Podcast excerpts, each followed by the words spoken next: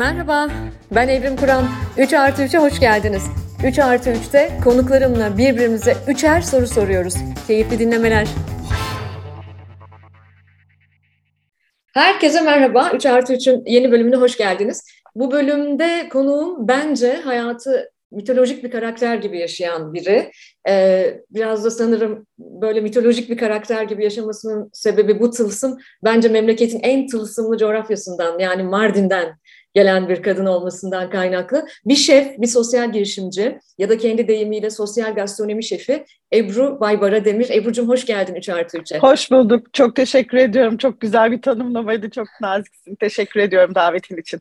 Ama öylesin yani mitolojik bir karaktersin. Sebeplerini zaten yayında satır aralarında da duyacağız. Evet bir sürü şey söylenebilir Ebru'nun başarılarıyla ilgili. E, zaten ödüllerini falan saymaya yayın yetmez ama e, bunların içerisinde en belirgin olanı ve bizim gerçekten e, göğsümüzü çok kabartan bir kadın olarak, bir Anadolu sevdalısı bir kadın olarak, bir kadın girişimci olarak en çok göğsümü kabartanlardan biri. Gastronomi dünyasının Nobel'i sayılan Basque Culinary World Pride'da iki yıl üst üste dünyanın en iyi 10 şefi arasına giren ilk ve tek evet. Türk şef. Yani bu bu çok zor bir şey. Hani bir de e, dinleyenler çok iyi bilir. Benim gibi yumurta bile kıramayan biri için bu Estağfurullah. bu böyle bu, bu genelde Evrimci bu genelde çok şey yapılıyor. Benim için de çok enteresan bir durum ama bu konu biraz farklı bir konu. Herkes bana şey soruyor. Hangi yemeği yaptın da dünyanın en iyi onu oldun. Ben aslında yemek yapmıyorum sadece. Aslında yemeği birlikte yaptığımız insanlarla birlikte yapıyoruz. Ben bir sosyal gastronomi şefi olarak aslında sadece yemek yapmadığım ve sadece yemek yemeği bir araç araç olarak kullanıp e, insanların hayatını değiştirdiğim için bu insan şeyden ödüle layık görüldüm. Bu sosyal gösterim. Zaten 20 yıl sonra yapmış olduğum işin adını da bu e, yarışmayla öğrendim. Sosyal gastronomi böyle bir şey. Sadece yemek yapmıyorsunuz ya da muhteşem yemekler. Yemek yaptım, seviyorum. Çok iyi de yaptığım söyleniyor. Ama dediğim gibi yaptığım işten çok şimdi e, sosyal hayatta insanlarla birlikte bu işi sadece mutfağımdaki insanlarla değil, mutfağımın etrafındaki insanlarla çalışarak e, o tabağı yaptığım için bu ödüle layık görüldüm. Bu çok onur verici ve gurur verici. Bunu açıklama gereğinde duydum. Çok iyi yaptın çünkü e, senin e, beni kendi hayatımda, hayata bakışımda çok ilgilendiren ve etkileyen bir şey e, var. Bunu vurguluyorsun. Ee, aslında yemek yapma vasıtasıyla ve bir takımla yani yaptığın iş vasıtasıyla ki buralara geleceğim sorularımda dünyayı iyileştiren, dönüştüren birisin sen. Her birimiz pazarda limon satan bireylerde olsak yaptığımız iş vasıtasıyla yaşadığımız toplumu ve dünyayı dönüştürebiliriz ve bu yaşamda belki de en adil şeydir. Yani Yaradan bize bu fırsatları aslında nerede, hangi şartlarda doğmuş olursak olalım veriyor. Mevzu onu okumakta, görmekte. Ee, senin de zaten böyle bir dönüşüm hikayen var. Marmara Üniversitesi Turizm Rehberlik bölümünde lisans eğitimini alıyorsun. Hatta rehberlik de yapıyorsun bir dönem. Ve sonra 1999'da Mardin'e yerleşiyorsun. 1999'un altını çizmek istiyorum. Yine coğrafyanın çok avantajlı olduğu bir dönem değil o, o dönemlerde. Evet. Ee, bu da parantez açıyorum. Ee, Allah bana da nasip etsin inşallah hayatımın e, bir döneminde ben de ölmeden önce bir dönem Mardin'de yaşayabilirim. Çok istiyorum. Çok istiyorum. Ee, ne olur. Ee, ben ben sana açık çek veriyorum. Şu anda bir ev yaptırıyorum. Bir Süryani konağını yaptırıyorum, restore ediyorum. Sadece misafirlerimi orada ağırlamak için ne zaman kitaplarını yazmak istersen, orada yaşamak istersen her zaman bekliyorum seni de. Sabırsızlanıyorum. Böyle bir hayalim var. Beni yakından tanıyanlar bilirler. En büyük hayallerimden biri bu. Ee, bir gün bir kitabımı en azından Mardin'de bir taş evde, İnşallah. bir taş konakta e, yazmak. Allah nasip etsin inşallah. Şimdi inşallah. Ebru e, Mardin'i turizmle tanıştırma hayaliyle bir yola çıkıyor ve orada e, kentin ilk turistik işletmesi olan Gözümüzün Nuru, ben de çok seviyorum orayı, her e, gidene tavsiye ediyorum. Cercis Murat Konağı'nı 21 kadınla, kendisine inanan 21 kadınla beraber açıyor. Ve e, aslında Anadolu mutfağı üzerine çok uzun yıllardır araştırmalar da e, yürütüyor. Aslında bu anlamda bir araştırmacı yani e, evet. bence bir antropolog. E, antropologtur o. Çünkü e, bu sadece yemek yapma işi değil gerçekten. Ve e, bir felsefesi var. Sofraya konan yemeğin lezzeti gücünü aldığı topraktan ve fayda sağladığı hayatlardan gelir diye bir felsefesi var. O yüzden bir şef olmanın ötesinde kendisi de bu yüzden kendini böyle tanımlıyor. E, Birçok bir sosyal gastronomi projesi hayata geçiriyor. Bir sürü ödüllerin sahibi oluyor bahsettiğim gibi ki vaktimiz yetmez saymaya kalksak eminim kendisi de sayamaz. E, ama projelerinden bahsetmek isterim. E, eminim dünden bugüne bir sürü yeni projeler eklenmiştir ona ama mesela kurucular arasında yer aldığı Topraktan Tabağa Tarımsal Kalkınma Kooperatifi var ki ben de bir kooperatif girişimcisi olarak bu kooperatif meselesini acayip önemsiyorum. E, hı hı. Bu çatı altında e, Mezopotamya'nın en eski buğdaylarından Sorgül buğdayının çoğaltımı e, projesi var. Şemim sabunları evet. var. Ben de kullanıyorum bu arada. Muazzam muazzam. Lütfen birbirinize e, şemim sabunları armağan ediniz sevgili dostlar. E, kadınlar gününde falan çiçek göndermeyiniz. Kadınlar çiçektir falan geçiniz onları. Bu kadın emeğiyle üretilen sabunlar nefis. E, el ele elden ele mağazası var. Diyarbakır'da başlayan ve bugün yaşamı iyileştiriyoruz sloganıyla ülkenin birçok iline yayılan bir onarıcı tarım, rejeneratif tarım projesi olan biyo bozulur atık yönetim projesi var ki bu da çok evet. çok kıymetli. Türkiye'nin sadece e, e, ekolojisi anlamında değil ama aynı zamanda istihdamı anlamında da e, ki buralara da geleceğim bu anlamda da çok önemli ve tabii ki Cercis Murat'tan bahsettik gözümüzün nuru herhangi bir restoran değil. E, zaten Ebru da e, herhangi bir şef değil. E, Cercis benim gerçekten gözümün nuru. Kendimi yeryüzünde belki en iyi hissettiğim yerlerden biri ve ne çok güzel. özledim. Çok özledim. Yani beni bu konuda e, bu konuda ortak. Evet. ortak bu bu konuda ortak olabiliriz. Yani benim de dünyada herhalde kendimi en huzurlu ve en keyifli hissettiğim yerlerden birisi Cercis. Ben 23 yıldır 23 yıldır orayı işletiyorum. Daha kimin müşteri, kimin garson, kimin ahçı olduğunu çözemedim. Öyle bir birliktelik var ki. Yani şöyle bir şey en son geçtiğimiz cumartesi günü uçaktan indi ve ben bugün restorana gideyim dedim ve oradaki misafirlerin hepsi beni tanıyor ve oraya birkaç kez gelen insanlar e, ve bu arada tabii ki bu hayat tempomun sonunda en sonunda kocam da kaçtı. Ankara'da kendine bir soluklanmaya gitti. Ben ona ne kadar geri dön falan desem de bir, bir ara şöyle bir sahne gördüm.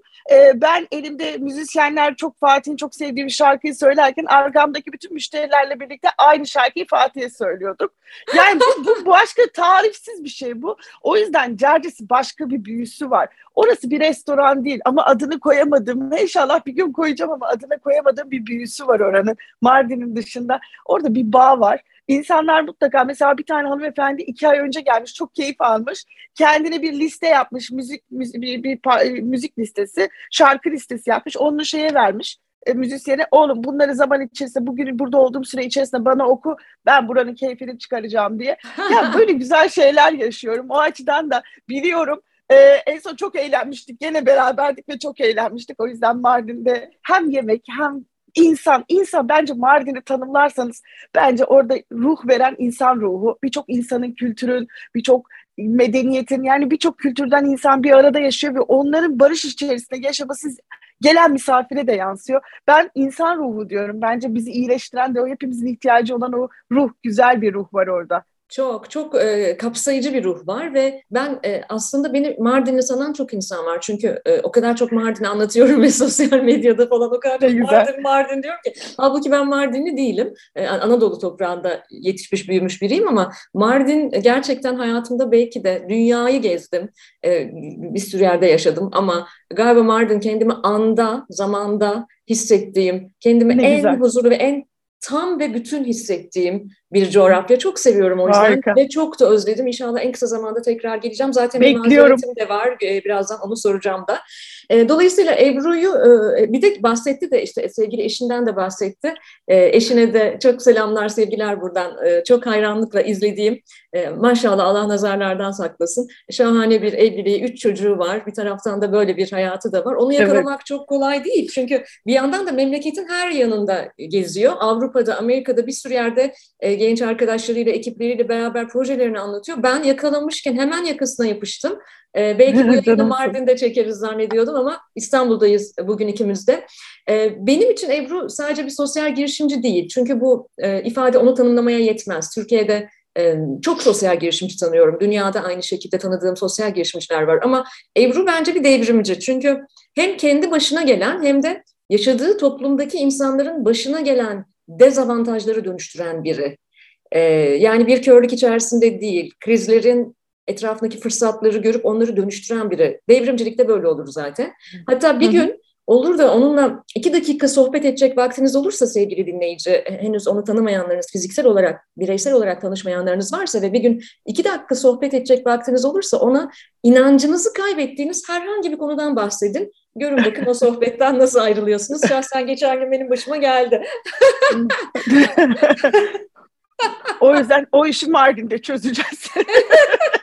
Ayaküstü inancımı kaybettiğim bir şeyden ne bahsediyordum Ebru'ya. Aa eve bir geldim ben böyle e, bulutlar üzerindeyim falan. Ve e, ilk sorumla başlıyorum. E, ilk sorum tabii ki biraz e, konsept içi. Yani şu ana kadar konuştuğumuz konulardan konsept dışına çıkacağım da ama e, kısa süre içerisinde Mardin'de Zamarot 1890'ı hayata geçiriyorsun. Evet. E, hatta e, ben çok üzülerek seyahatteydim, katılamadım. E, İstanbul'da da bir tanıtım etkinliği yaptınız. Evet. E, beni çok ilgilendirdi tanıtım e, bülteni e, ve ifadeler. Çünkü şöyle diyor, Türkiye gastronomisinin ilk Sixth Sense yani altıncı his restoranı e, evet. Bu acayip ilgimi çekti. Bir deneyim tasarımcısı olarak benim çok ilgimi çekti. Bu e, sorum Zamarot 1890'dan geliyor. Bir kere Zamarot 1890'ın çok ilginç bir hikayesi var bence. Hem bu hikayeyi bize anlatır mısın? Yani zaten gözümüzün nuru Cercis Murat varken neden Zamarot 1890 ortaya çıktı? Zamarot evet. ne ve neden 1890? Bir de Sixth Sense, 6. His Restoranı ne demek? Bize bu konsepti biraz anlatır mısın? O kadar keyiflendim ki bana ilk bu soruyu Cerdis şeyde Zamarot'la ilgili soruyu sen soruyorsun.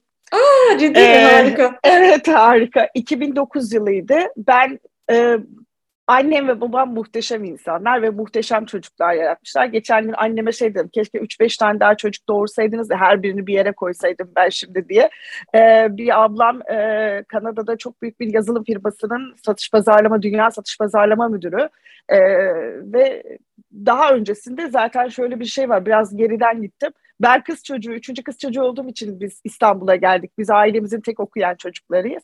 Ee, bir ablam şey e, sanat yönetmeni, yaratıcı yani aslında grafiker.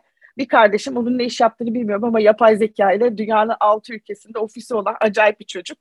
Neyse 2009 yılında ben e, tasarımcı olan ablamla biraz daha böyle bir yakınlığımız var ve Tansel'le birlikte Suriye'ye gittik Halep'e birlikte. Hep böyle bir kaçışlarımız oluyordu. Orada çünkü mimari Tansel'i çok etkiliyor, beni çok etkiliyor, yemekler beni etkiliyor diye.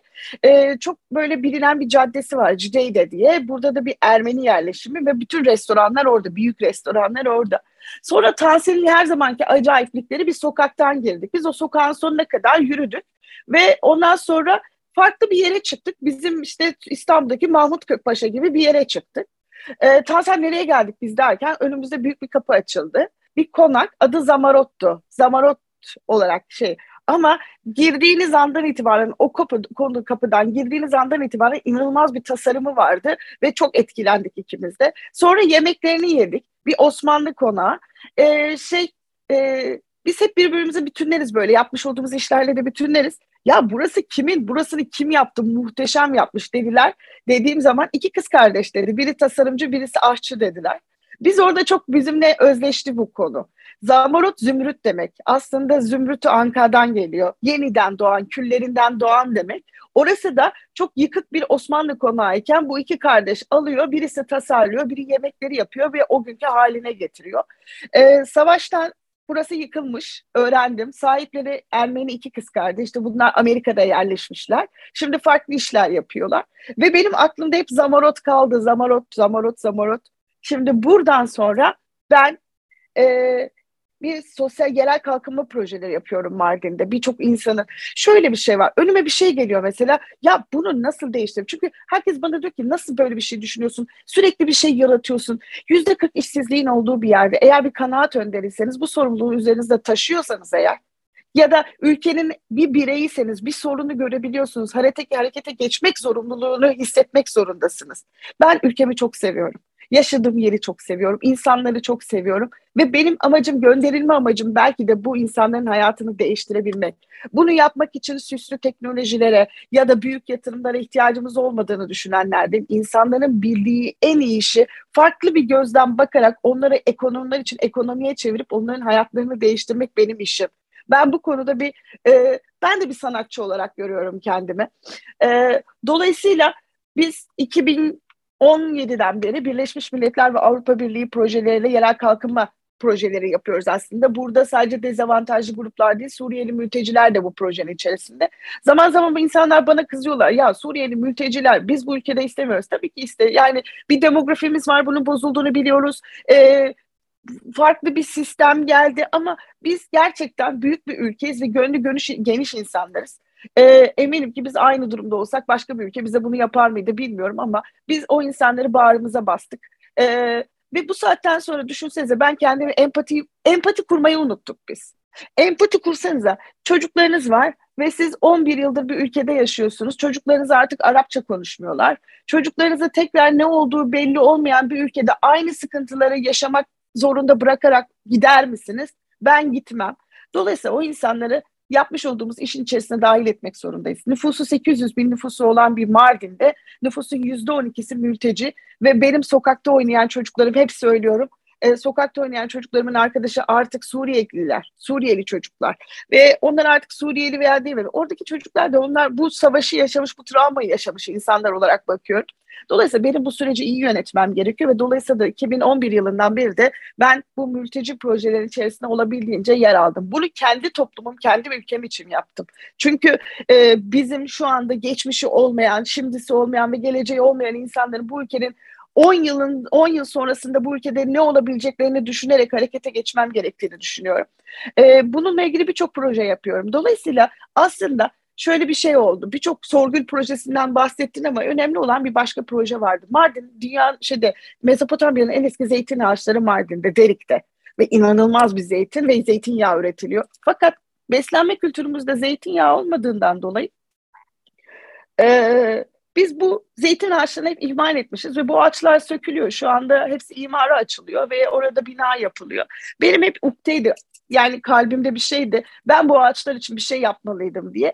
İşte Birleşmiş Milletler'le başarılı projeler yapınca bana şey sordular. 2018 e, Ocak ayında ne yapmak istersin bundan sonra? Ben Halep'e her gittiğim zaman oradan Halep sabunları alıyordum. Muhteşem. Dünyanın en iyi zeytinyağları bu arada Afrin'dedir. Sonra onun benzeri e, Türkiye'de nerede derseniz Mardin'de bence sonra Antakya'da ve sonra Ege zeytinyağı farklıdır. Ama böyle bir toprak kalitesiyle çok güçlü bir zeytinyağımız var bizim. E, fakat acıdır ki bunu satılmıyor. Ve ben şey dedim Birleşmiş Milletler'e Suriyeli kadınların getirmiş oldukları bir kültürel miras olan sabun yapma, Halep sabunları yapma mevzusu var ve bizim burada da zeytinyağımız var. Ve biz bunları satamıyoruz. Eğer dedim uygun görürseniz ben bir proje hazırlamak istiyorum. Bu zeytinyağlı sabunları, bu sabunların nasıl üretildiğini bu kadınlardan öğrenip herkese öğretip ve biz bir üretim başlatmak istiyoruz. Ve bize bir proje sundu. Şey biz onlara projeyi sunduk, kabul ettiler. Bize dediler ki size 45 kişi eğitebilmeniz için bir bütçe veriyoruz dediler. Evet ve size saf malzeme veriyoruz. Yani zeytinyağı alın ve sabun üretin.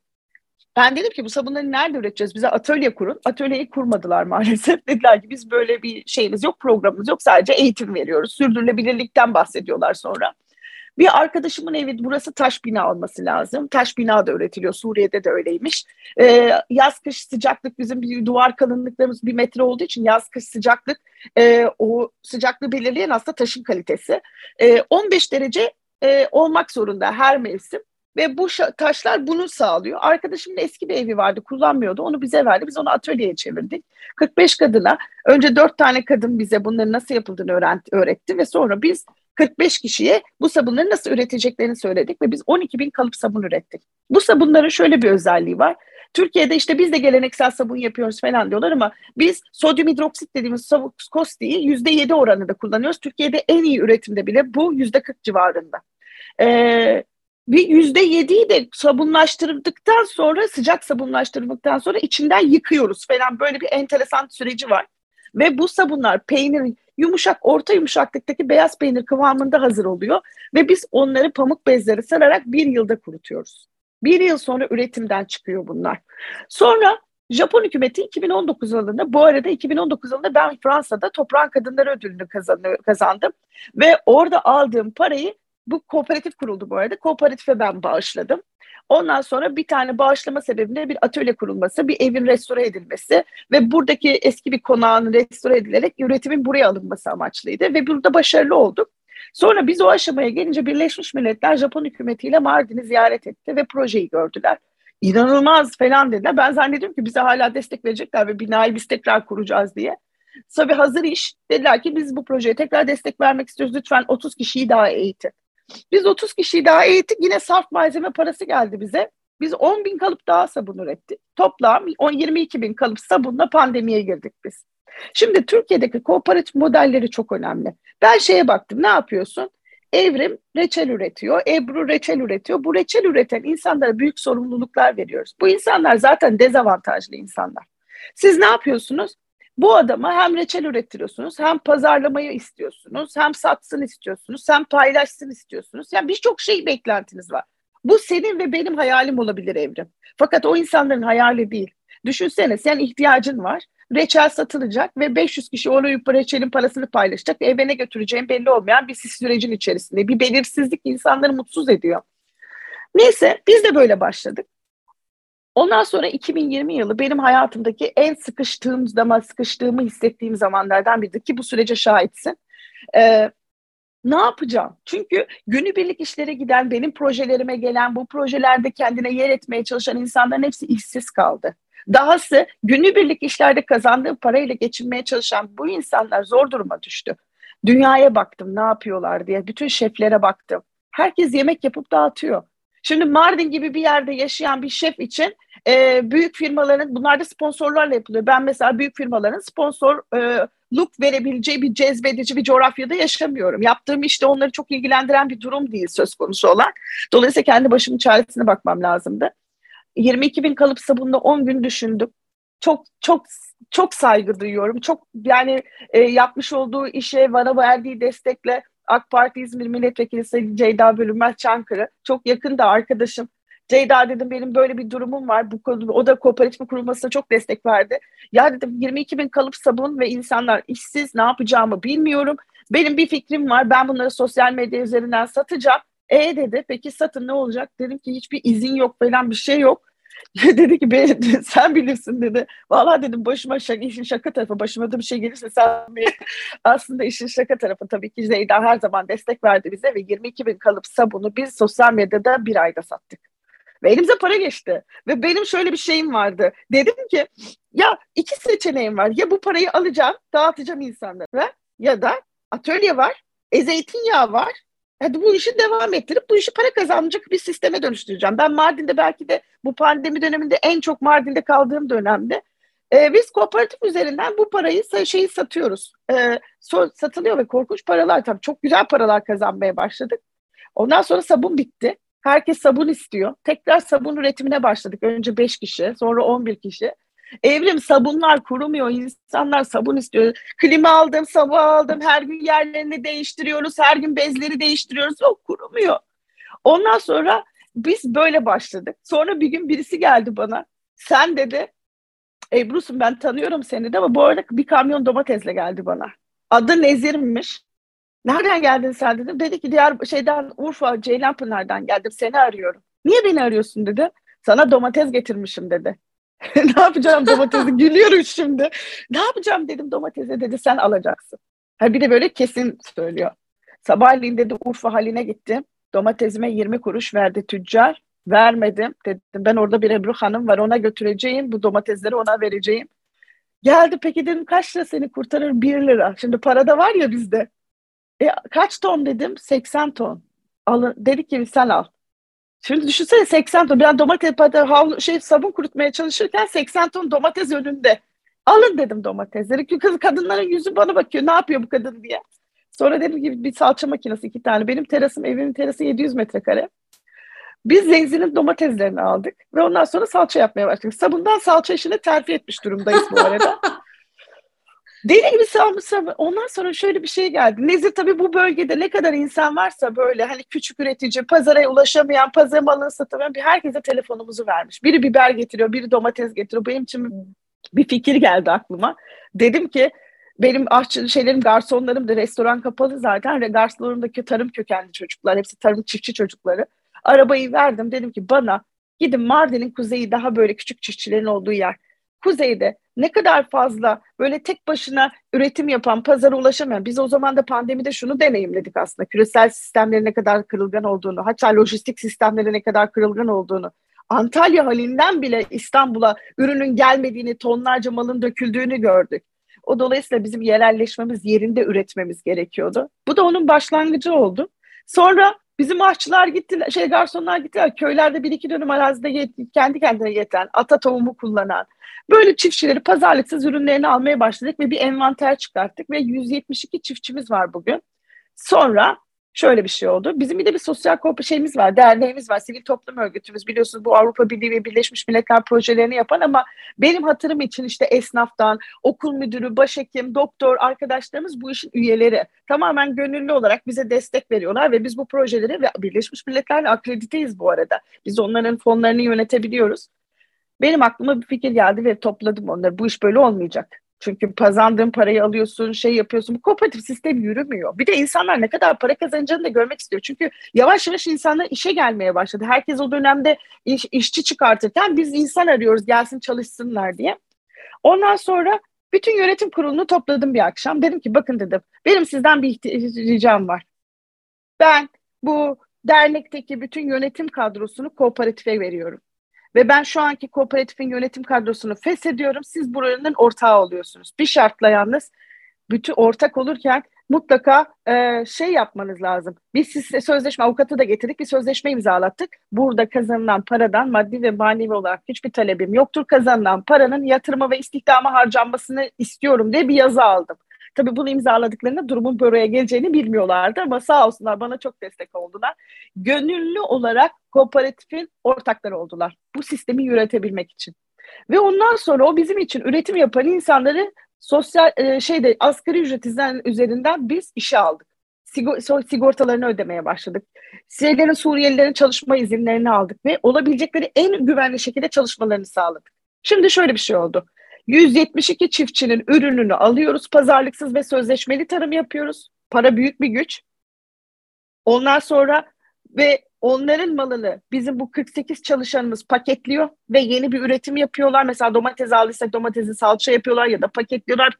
İş bölümleri haline geldik ve sistem büyümeye başladı. Şimdi burada çok güzel bir şey. Para o kadar güzel para kazanılıyor ki o kadar 48 çalışanın maaşını ödüyoruz düşünsenize. Çiftçinin parasını ödüyoruz. Mal döndürüyoruz. Sosyaya girdik. E-ticaret kanallarına girdik. Network'ümüzü kullanarak kurumsal firmaların bütün ihtiyaçlarını karşılamaya başladık. Acayip bir şey oldu. 172 çiftçi artık bir tek malını nereye getirip satacağını biliyor. Bir gün bir müşterimizin vasıtasıyla bana bir telefon geldi. Fransa'da 17 ton sabun istiyorlar. 17 ton sabun yok ki. 17 ton sabun olsa nerede kurutacağım? Depom yok, bir şeyim yok. Eşim sağ olsun her zaman böyle biz çok kavga ediyoruz, görünüyoruz, çok büyük aşk içerisindeyiz ama sürekli hiçbir konuda anlaşamıyoruz. Fatih, Fatih dedim, efendim bana dedim yer lazım. Ne yapacaksın dedi. E, bu arada ben de gönüllüyüm bu sistemin içerisinde. Yeter ki daha çok insan para kazansın. Sonra bir showroom açtık bu arada. Showroom Mardin'in en pahalı dükkanını kiraladık. Bana deli misin dediler. Sonra bir makarna atölyesi açtık. Sonra bir paketleme ünitesi açtık. Her kazandığımız parayı bir yatırıma harcadık ve o yatırımın içerisinde de insanları koymaya başladık. Sonra dedim bana depo lazım. Dedi bir depon eksikti zaten. Onu da yapacaksın. Kayınpederim bir akaryakıt işiyle uğraşıyorlar 1964'ten beri. Ve onun benim oturduğum binanın altında bu arada 1890 tarihli bir bina deposu var ve yıllardır bomboş ve çok kötü durumda yani. Ve binanın içerisinde iki tane de müştemilat yapmış kayınpederim. Binanın içerisine. E düşünsenize yedi buçuk metre tavan yüksekliği var ve orada bir müştem, iki tane de beton bir, bir müştemilat var. Dedim ki Fatih bana burayı verin. Ben sabunları üreteyim, burada kurutalım. Böyle talepler geldiği zaman biz bu talepleri karşılarız. Peki tamam dedi. Paranız var mı? Var dedim. Yaparız biz burayı. Neyse biz o parayla e, dedik ki biz burayı yapacağız. O müştemilatlar yıkıldığı gün binanın planı çıktı ortaya. Muhteşem bir bina. Fatih diyorum siz bunu nasıl görmediniz? Senelerdir 1800'de kayınpederim 1942'de satın almış orayı. Ee, pardon 1900 tabii 1950'lerde ve 40'larda alınmış orası. Hiç mi fark etmediniz bunun böyle olduğunu? E, dedi ki o zaman tabii görünemedik yani göremedik böyle bir şeyi. Sana bir şey söyleyeceğim dedim Fatih ben burayı başka bir şey yapacağım. Ne yapacaksın dedi. Ben dedim 2017'de Lyon'da Sirha Fuarı'na gitmiştim ve orada şöyle bir şey deneyimlemişlerdi Evrim. Mesela altıncı his artık insanlar hani yemek beş duyuyla algılanıyor ya bir altıncı hissi arıyor. Mekan ortamı, mekanı istiyor. Biz bu Türk milletine çok yakın. Benim üç tane cam kenarı masam var. 500 rezervasyon hepsi cam kenarı istiyor mesela. Hani hiç, dışarıda görünen bir şey de yok. Sadece psikolojik olarak öyle bir mekan olgusunda kendisini rahat hissetmek istiyor. O mekanım çok önemli. Fatih bir şey yapacağım ben dedim. Planı çizdim. Şu. Ben dedim 172 tane çiftçinin ürününü buraya koyacağım, yemek yapacağım. Bu bir deneyim. Ve restoranda biz şefler böyle süslü şefler diyoruz ya. Biz işte yöresel ürün kullanıyoruz. Biz e, e, işte Gaziantep'te elmacı pazarından aldığımız ürünlerle geliyor, yerinden geliyor, kaynağından geliyor. Hayır, biz öyle yapmıyoruz. Onu üreten çiftçiyi içine koyduğumuz bir sistem geliştirmek zorundayız. Ve mutlaka gastronomide kooperatif modelin uygulanması lazım yerelde. Ve biz bunu tasarlamak zorundayız. Çünkü her ne kadar dersen ki ben Adana'dan alıyorum, Antakya'dan alıyorum, oradan alıyorum. O değil. Sen üreten adamla birlikte olmadığın sürece orada aldığın malın hiçbir şeyin faydası yok. Lezzetini, tadını koklaman lazım. Kendi seçtiğim ürünle yaptığım yemek farklıdır. Bana tedarikçinin getirdiği ürünle yaptığım yemek çok farklıdır. O açıdan bu mantıkla dedim ki 172 çiftçinin ortak olduğu bir restoran kuracağım ben. Sonra sonrası çok daha acayip. Bir tane şey kuracağım dedim. Bir sahne kuracağım. Herkes beni izliyor. Manyak bu kadın diyorlar. Bir sahne kuracağım burada. E insanlar burada beyaz masa örtülerinde yemek yerlerken karşıdaki camdan orada sabun nasıl üretilir onu görecekler. Şimdi kafalarında oturtamıyorlar bunu. Nasıl olacak falan. Bir sürü şey oturtamadılar. Zaten şey yazacağım en son. Bir kitap çıkaracağım yakında. İstanbullu mimarla Mardinli ustaların sınavı diye iki, bir, iki buçuk yıl süren bir sınav yazacağım. Neyse e, biz bunu tasarladık ve ben bunun parasını arıyorum. Sonra Halkbank Genel Müdürü'yle bir toplantıda karşılaştık. Osman Bey olağanüstü bir adam.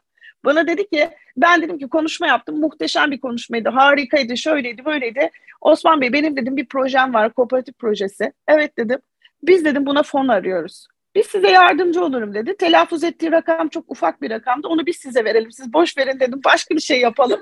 Sonra kooperatif olarak Türkiye'de ilk kez e, devletin çok büyük imkanları var ve devlet gerçekten hani şey diyor ya devleti yaşatır kisi devlet herkes bir beklentisi hibe versin devlet bana para versin öyle bir şey yok devleti yaşat, yaşat ki devlet de seni yaşatsın. E, yatırım teşvik belgesi aldık. Gittik. Bir projemi sunduk. Bir sabun fabrikası ve onu bütünleyen bir restoran yapacağım dedim. Onların da kafası karıştı. Ama sonuç itibariyle biz oraya bir teşvik aldık ve Halk Bankası'nın karşısına geçtim. E, aldığımız teşviğin iki katı kadarıyla da bize fon verdi, şey verdiler, para verdiler ve 10 yıl, uzun yıl, uzun vadeli bir e, e, kredi sistemi oluşturdular ve biz o krediyi aldık. Sonra işe başladım başlayacağım. Mimar arıyorum. Diyorum ki ben bunu nasıl yapayım? İstanbul'da e, bir davete davet edildim. Bir, bir yere davet edildim. Zeynep Kakınç diye bir arkadaşım var. Ben de restoran açılışı diye gidiyorum. Mutlaka burada olman lazım diye gittim. Ama bu arada birkaç tane mimarla görüşmüşüm.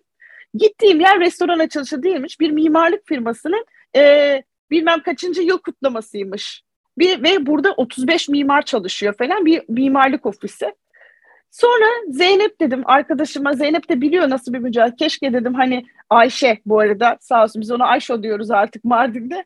Ayşe e, hepimizin şeyi böyle herkes ondan çok korkuyor. Kimsenin ustalara öyle bir işler yaptırdı ki.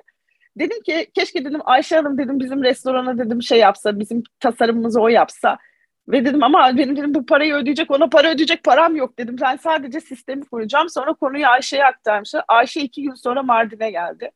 Ondan sonra ben bu işin sponsoruyum dedi. Ben bütün tasarımlarını yapacağım dedi ve Ayşe her şeyin fotoğrafını çekti ve Mardin İstanbul'a gitti. Bir hafta içerisinde bana bir render gönderdi. Olağanüstüydü. Ve biz birbirimize ruhlarımızı çok iyi anladık. O sahne kuruldu evrim. Arkasında sabun fabrikasının o bütün şeyleri kuruldu. Ee, düşünsene yemek yiyorsun. Restorana şey geliyor. Zeytin olarak giriyor ürün bir yağ yağhane var. Orada kurnada vurularak zeytin çok ilkel bir şekilde zeytinyağı haline getiriyor. Derik de öyle yapıyorlar çünkü. Kadınlar yaşlı kadın. Onun iyisi içeride yemek yapılıyor senin için ve 172 çiftçinin ürünüyle birlikte yemek yapılıyor ve bu bütün kalan posa hepsi senin gözünün önünde taş bir kazanda, büyük dev bir kazanda kaynatılıyor. Ama sen ona evrim kuran olarak gidip de ben ben bu sistemin içerisinde çalışmak istiyorum dersen O sabunu sana döktürüyorlar kalıplara bir mağaranın içinde. Sen onları kesebiliyorsun, mühürleyebiliyorsun. O sistemin o, o şeyin içerisine katılabiliyorsun. Orada istediğin kadar vakit geçirebiliyorsun ve orada her şeyi hissediyorsun. Sen orada yemek yerken sadece yemek yemiyorsun aslında. Yap, yemeğin yemeğin kutlamasını yapıyorsun orada. Ürünün kutlamasını. Bana şey söyler ne yemek yapacaksın? Makarna yapacağım diyorum. Ne işi var Mardin'in makarnanın Mardin'de? Kardeşim dünyanın en iyi durum buğdayını ben üretiyorum. Yüzde on yedi buçuk proteinle sorgül buğdayını üretiyorum. Ve ben bunu makarna yapabilirim. Benim kültürümde de var. Sonra İtalyanlar gelip Mardin'de tohum ektiriyorlar. Çünkü en iyi coğrafya bu durum buğdayının yetiştiği en iyi coğrafya Mardin Kızıltepe Ovası'dır. İtalyanlar bile tohumlarını getirip orada ektiriyorlar. Ama benim elimdeki çok kıymetli ürün, bunu sürdürülebilirliğini sağlamam için bunun ürün haline getirmem lazım. Vazgeçin artık. Tamam geleneksel kültürümüzde yemeklerimiz var çok güzel yani şey geleneksel çok yemeğimiz var.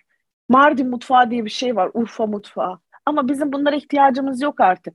Ya 10 sene sonra biz o buğdayı bulamayacağız, domatesi bulamayacağız, öbürünü bulamayacağız. Dolayısıyla ürünü tanıtın ki insanlar ismiyle sorgül ekmeği istiyorum desinler ki ben o sorgül ekmeğini yapayım onlara. Ben ürünü devam ettireyim. Bu çiftçiyi yaşatayım ki o beni yaşatsın. Ben bunlar yaşatsın ki bunlar yaşasın ki devlete olan borcumu ödeyeyim ki devlet de beni yaşatsın. Bu, bu bir zincir, bu bir ekosistem. Dolayısıyla Zamarot böyle doğdu. Bir sahnenin etrafı ben o sahnede her gün o sahnede o insanlara sabun yaparken yapmış oldukları işli gurur duyarak sergilerken gelen insanları misafir etmeyi hayal ediyorum. Bitti. Şu anda hala şeyler bugün yerleştirmesi başladı. Ayşe olağanüstü bir iş çıkarttı. Mardin'in bütün unsurlarını koydu. İçeride 590 tane kuş uçuyor. Güvercin uçuyor. Ee, yani çok acayip bir hayal gücü var kadının ve o kadar ruhumuz o kadar kesişti ki tabii Mardin'de bunu anlatmak çok zor oldu. Mesela şey kuruldu, yağmur hasatı kuruldu. Yağmur hasatı 700 metrekarelik terastan yağmuru topluyor. Bir tane sistemle boruyla iki tane kuyumuz var. Bunlar eski kuyular. Onlar tadilat gördü.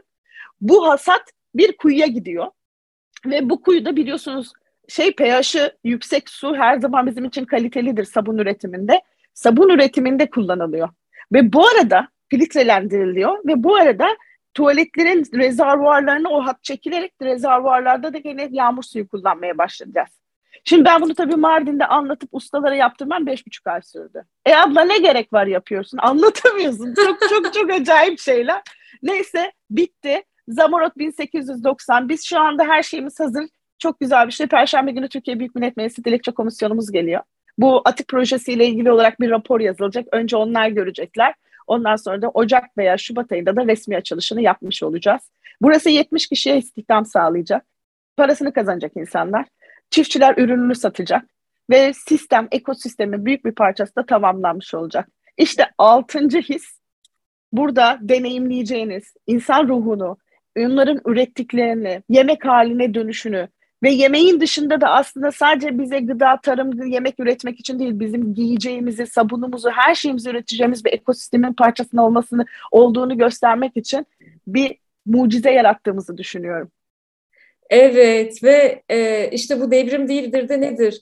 Ben sevgili dinleyici e, imajine ettim süreci tek tek Ebru anlatırken daha gitmeden görmeden imajine ettim. Zaman zaman güldüm, zaman zaman gözlerim doldu ve genel olarak tüylerim diken diken oldu. İşte galiba e, altıncı his deneyimi böyle bir şey. O yüzden bu vesileyle sıklıkla iş dünyasında e, yaptığım toplantılarda, görüşmelerde sıklıkla dile getirdiğim bir şey bugün şu anda bu yayından da dile getirmek istiyorum. Türkiye muazzam bir coğrafya. Türkiye'nin kurumları e, ekseriyetle işte Ege kıyılarında, Akdeniz kıyılarında tabii ki o kıyılarımız da çok kıymetli. Kurumsal toplantılar, konferanslar, etkinlikler yapıyor. Ne olur artık biz bu toplantıları, etkinlikleri e, başka coğrafyalara da yayalım. Mesela bir konferansı, bir zirveyi, bir e, global toplantıyı vesaire. Bu bütçelerimiz var çünkü bizim. Mesela bunu düşünsenize Mardin'e taşımışız. Beni konferanslara e, konuşmacı olarak çağırdıklarında veya biz böyle bir etkinlik düşünüyoruz dediklerinde hep Mardin'de yapsanıza derim ben. E, bunu yapabilirsiniz. Bu mümkün. Bu mümkün evet. ve olağanüstü deneyimler yaşayabilir insanlar oralarda. Dolayısıyla sadece e, iç turizmi veya dış turizmi değil, aynı zamanda iş turizmini de çok destekleyebilecek bir yer Mardin. E, buna e, örnek teşkil edebilmesi amacıyla e, Suriye krizinin çok derinleştiği bir dönemde hatırlarsan ben dostlarımla Mardin'e gelmiştim ve Mardinli evet. dostlar o zaman bize şöyle demişlerdi. E, aslında şu anda kimsenin gelmediği bir dönem korkmadınız mı gelirken? Hayır korkmadım, korkmuyoruz, korkmayacağız da. Son derece güvenli, insanların çok kapsayıcı olduğu muazzam bir coğrafya Mardin. E, ve lütfen oraları destekleyelim. Ben de Zamarot'a tabii ki geleceğim. Allah izin versin inşallah açılışa da geleyim. Ne güzel. Ben soru soruyorum şimdi. Evet, şimdi ilk soru sırası sende. Aslında sana sormam en doğruyu sana soru yani e, soru bu soruyu bence en doğru kişiye sorduğumu düşünüyorum. Ee, sende de bende de ortak olan, hepimizde olan ortak olan aslında bu ülkeye karşı, yaşadığımız ülkeye karşı sevdiğimiz bir sevgi var ve bu bir tutku aslında. Ben seni takip ediyorum. Sürekli yurt dışındasın, gidiyorsun, geliyorsun. Ama geliyorsun. Ve şey şimdi de söylediğim mesaj da çok kıymetli. Hani toplantıları burada yapalım. Bu çok kıymetli. Dün değil evvelki gün. Ben bunu hep söylüyorum. Benim bir tane bir şeyim var, bir programım var. Ben sürekli üniversitelere senin gibi konuşmalara gidiyorum, girişimcilere gidiyorum. Şimdi e, bir gün bir üniversiteye gittim. Erzurum Atatürk Üniversitesi. Ondan sonra 600 kişi vardı amfide. E, konuşmacılarla birlikte en son sahneye ben çıktım. Arkadaşlar dedim burada üniversite okumaya gelen kaç kişi var dedim. 600 kişinin hepsi elini kaldırdı. Sonra dedim ki peki dedim istediği bölüme gelen kaç kişi var dedim. Yüzde ellisiydi. Peki buradan çıkınca ne yapmak istediğine karar veren kaç kişi var dedim. İki kişi dedi. Geçtiğimiz gün ben bu arada üniversiteyi kazandım tekrar. bir arkadaşımın bir arkadaşım var. O da çok sevdiğim Ege Üniversitesi, 9 Eylül Üniversitesi'nde Engin Eriş Deniz. İnsanların hayatına yön veren böyle çok önemli, çok ciddi hocalar vardır. Bir gün Ege, Ede benim çok yakın arkadaşım. Ede diyor herkes Engin Eriş Deniz olunca hocalar, öğrenciler de Ede diyor ona. Ede bir gün senin öğrencin olacağım dedim. Ha ha tabii tabii dedi. Bu kadar işin arasında bir öğrenciliğin eksi. Ben bu sene kazandım. İngilizce turizm işletmeyi kazandım tekrar dördüncü üniversite olarak. Ondan sonra gittim ona gönderdim öyle. Ben e, muafiyet sınavına gittim. İngilizce muafiyet sınavına gitmiştim. Ondan sonra o gün sınavdan sonra bana dedi ki benim dedi e, öğrencilerimle gelip konuşur musun dedi. Sana hikayeni anlatır mısın dedi. Anlatmaya gittim. Ve ondan sonra onlara da aynı soruları sordum. Ama bir soru daha farklı bir soru sordum. Dedim ki peki dedim eğer Anadolu'dan geldiyseniz Anadolu'da okudunuz ve sizin bunun için bence okuduğunuz için insanlar için oradaki yaşadığınız yerlerdeki insanlardan bir sıfır öndesiniz. Birçok insandan bir sıfır öndesiniz. Yaşadığı, o aldığı eğitimi orada avantaja çevirmeye çalışan, geldiği yerde avantaja çevirmek isteyen kaç kişi vardı? Kimse yok devrim. Peki aldığınız eğitimle birlikte yurt dışına gitmek isteyen kaç kişi vardı? 22 kişi sınıftan en azından 12 kişi, 13 kişisi elini kaldırdı. Ben yurt dışına gitmek istiyorum. Şimdi buradaki esas soru aslında burada sorudan çok senin vereceğim mesaj çok kıymetli. Niye gidiyorlar? Niye gitmek istiyorlar? Neden gitmek istiyorlar? Neden gitmemeleri gerekiyor? Sen yurt dışını da görmüş bir insan olarak niçin gitmemeleri ve bu ülkede kalmaları gerektiğini sen anlatırsan benim için daha kıymetli olacak. Çünkü sen iki tarafı da görüyorsun. Bir de şunu eklemem lazım. Tabii ki gidip görmek lazım. Ben Mardin'de her gün yaşayamıyorum. Benim de çünkü aldım ben de İstanbul'dan geldim. Benim de bir vizyonumu yenilemek için sürekli bir yerlere gidip orayı değiştirmem lazım. Buna ihtiyacım var. Ama şunu söylüyorum ben Türk Hava Yolları'nı çok seviyorum.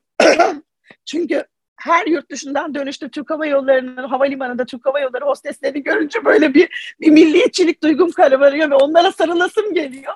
Dolayısıyla bence bu sorunun cevabını en iyi sen vereceksin. Niye bu ülkede kalmamız lazım? Çok teşekkür ediyorum ve yine e, her neredeyse her üç artı olduğu gibi yine e, kalpten kalbe görünmez iplerle bağlıyız birbirimize. Benim Ebru için hazırladığım ikinci soruya o kadar acayip bağlanacak ki soruları birbirimize verdiğimizi zannedeceksiniz. E, çok güzel bir bağlantı olacak. Önce onu söyleyeyim. Şimdi ben gittim. Çocuğumu da götürdüm. Yıllar önce gittim. Bir bir şekilde özellikle e, oğlum için, e, oğlumun eğitim hayatı için belki daha e, alternatifler sunabilirim dediğim, biraz ülkeye kırgın olduğum açıkçası, e, bir dönemde, e, kırılgan olduğum bir dönemde e, gittim ve çok uzağa gittim. Yani dünyanın öbür ucuna gittim, okyanuslar açtım gittim ve e, hayatımın en zor, en e, bana acı veren dönemiydi. Türkiye dışında yaşadığım dönem. Dinleyici, sevgili dinleyici biliyor ben Haziran ayında kesin dönüş yaptım Türkiye'ye. Oğlum kaldı ben geldim. Ve gelmeden önce de e, üçüncü kitabımı Onlar Göçtü Buradan'ı bu yüzden yazdım. Önce bir araştırma yaptım. Gidenler niye gidiyor ve ne olursa gelirler diye. Çünkü bu benim gerçekten yetenek sürdürülebilirliği benim gerçekten çok önemli bir ilgi alanım, çalışma alanımda. Ee, önce kendi hikayemden yola çıktım. Yani bu kadar acı çekiyorum ve niye gittim? Gerçekten her sabah kalktığımda benim burada ne işim var sorusunu sordum. Yıllarca pencereden baktığımda ait olmadığım bir yerdeyim ve benim burada ne işim var? Sonra dedim ki ben bu acıyı üretime çevirmeliyim. Yani buraya boşuna gelmiş olamam. Buraya gelmiş ve bu deneyimi yaşamış olmam, e, gurbetçi dostlarımla, muazzam dostlarım var. Buradan Kanada'ya sevgiler, selamlar. Çok da Mardinli dostum var orada. Bizi dinlediklerine eminim şu anda. E, dedim ki bunu benim üretime çevirmem lazım ve kaldığım bu coğrafyada da ben memlekete hizmet etmeye devam edebilirim. Dolayısıyla evi barkı her şeyi kapatmıştım Ebru. Ben bavulumu alıp gitmiştim Kanada'ya. E, ama Türkiye için çalışmaya hep devam ettim ve e, aşağı yukarı her ay, her ay e, değilse 5-6 haftada bir geldim. geldim. Yani pandemi hariç. Pandemide 8 ay Türkiye'ye gelemedim. Hayatımda ilk defa Türkiye'ye hiç gelemediğim bir 8 aydır ne yaşadığımı bir Allah bilir, bir ben bilirim. E, ama hep geldim ve hep uzaktan da olsa üretmeye devam ettim. Ama e, oradaki göçmenler için, Kanada'daki e, Türkiye'den göçen e, gurbetçiler için de bir şeyler yapmak istedim. Ve ne oldu biliyor musun? Geçen hafta Ontario hükümeti bana bir hizmet ödülü verdi. Online katılabildim. E, çok duygulandım. Bu beni acayip etkiledi. E, orada Ontario hükümetinin verdiği e, gönüllülük ödülleri var. E, Türkiye'de gönüllülük meselesine biraz uzağız biz ama öyle çok evet. e, göçmen toplumu olduğu için, göçmen bir toplumun ayakta kalabilmesi için tabii çok önemli e, gönüllülerin katılımı e, ve e, inanılmaz yani işte e, parlamentodan temsilcilerin olduğu iki bakanın katıldığı, en başta göçmenlikten sorumlu bakanın da katıldığı bir e, törenle ben de e, bir hizmet ödülü aldım ve çok etkilendim bundan. E, ve ben bu hizmet ödülünü Kanada'daki Türkler için yaptığım çalışmalar ve orada yaptığım gönüllülük çalışmaları için aldım. Şimdi demek ki biz hangi coğrafyada nerede olursak olalım e, memleketi kalbimizde götürüyoruz. Ev kalbimizde bir kere. Yani memleket, yurt sevgisi bunlar bizim kalbimizde. Ama yine de çok zor. O yüzden benim derdim şu. Niye gidiyorlar sorusunu anlamak istedim. Bu yüzden de e, bir kitap yazmaya karar verdim kendi göç hikayemi anlatacaktım. Ama dedim ki yani tek başıma, tek kendi perspektifimden anlatmam adil olmaz. Ben sorayım ve yaklaşık 3500 son dönemde Türkiye'den giden e, yetenekli insan demeye e, deyip ayrıştırma yapmak istemiyorum. Çünkü herkes bir yetenektir bana göre. Ama çok iyi eğitimler almış. Ülkede kalsalar gerçekten hem kurumsal hayatı hem girişimcilik dünyasını, ekosistemini çok destekleyebilecek, çok kıymetli 3500 insan dünyanın dört bir tarafına yayılmış. Sadece böyle gelişmiş ekonomilere gitmemişler, sadece batıya gitmemişler. Acayip ülkelere gitmişler Ebru. Ee, ben evet. bu kadar yayıldığımızı fark etmemiştim bile bu araştırmaya girişene kadar. Bu 3500 göçmen e, genç arkadaşla e, derinlemesine görüşmeler, analizler, çalışmalar yaptık ve bu kitabı kendi hikayemden yola çıkarak yazdım. Ve e, niye gittiklerinin sebebinin sadece finansal sebepler olmadığına inanarak bunu yazdım. Çünkü benim ee, oldukça konforlu bir hayatım vardı Türkiye'de gitmeden evvel. Evet. Hatta benim hayat standardım ziyadesiyle düştü e, bir başka ülkeye gidince finansal anlamda da. Ve şunu e, görmek istedim yani biz nereye dokunabiliriz, neresi dönüştürülmesi gereken yer. Ve şunu gördüm ki insanlar umutsuz oldukları için gidiyorlar. Yani ilk etapta sanki daha çok para kazanacağız, Türkiye'nin ekonomisi kırılgan vesaire bu tip motivasyonlar var ama şunu anlamak için sorduk. Peki niye kalıyorsun kaldığın ülkede? Hadi bunun için gittin. İşte daha e, güçlü bir ekonomiye gittin vesaire. Peki niye kalıyorsun? Kalma sebebinin de daha çok e, kendini gerçekleştirme motivasyonu olduğunu gördüm. Yani bu yüzden kalıyorum çünkü burada hakkaniyetli bir toplumdayım eşitlikçi, özgürlükçü ve kendimi gerçekleştirebileceğim bir yerdeyim. Biz bunu neden Türkiye'de sağlayamıyoruz? Neden kapsayıcı bir toplum olamıyoruz? Neden kutupların arası bu kadar açıldı? Sonra da şunu sorduk hatta bu araştırmada. Peki döner misin? Yaklaşık yüzde altmışı dönerim dedi Ebru. Ve insanlarla ben yaptığım derin görüşmelerde karşılıklı ağlayarak yaptık bu görüşmeleri. Hatta kitapta da bazı hikayeleri aldım isimlerini değiştirerek. Ee, ama ben ağladım, karşımda derin görüşmeler yaptığım insanlar ağladı. İnsanlar dönmek istiyor memlekete. Memleket hasreti tanımlanabilir bir şey değil. Öldürür insanı, kurutur yani. Ve ben şu ana evet. kadar hiç gittim de süper mutluyum, kendimi burada inşa ettim, artık ben buranın bir parçasıyım buralıyım diyen bir göçmenle vallahi ben bu kadar araştırmacıyım, bu kadar yıldır yurt dışında yaşadım. Ben hiç karşılaşmadım. Demek ki bu mümkün. O yüzden e, evet gitmiş olabilirler ama hala gittikleri yerlerde bir e, ülke için çalışmaya devam edebilirler. Çok farklı jenerasyonlardan insanlar ve gençler. Türkiye'yi tanıtabilirler. Ya bak çok basit bir şey. Ben çok takı seviyorum misal. Ve Mardin'de böyle çok sevdiğim kuyumcular vardır benim kuyumcular hmm. çarşısında. Ben mesela e, benim Kanada'daki evimde çok misafir ağırlamayı da seven biriyim. Kanada'daki evimde e, canım Ebu Burak buradan sana selamlar olsun. Ebu Burak'ın yaptığı o cam işçiliklerinden tut da Şahmeranlar. Işte şahmeran. Evim evimin her yerinde işte e, şahmeranlar, aynalar, şunlar bunlar. Ben üşenmezdim. Onları 8500 kilometre e, ona da hep söylerim kulakları çınlasın. Aman çok iyi sarın yani ben bunu çok uzağa götüreceğim falan.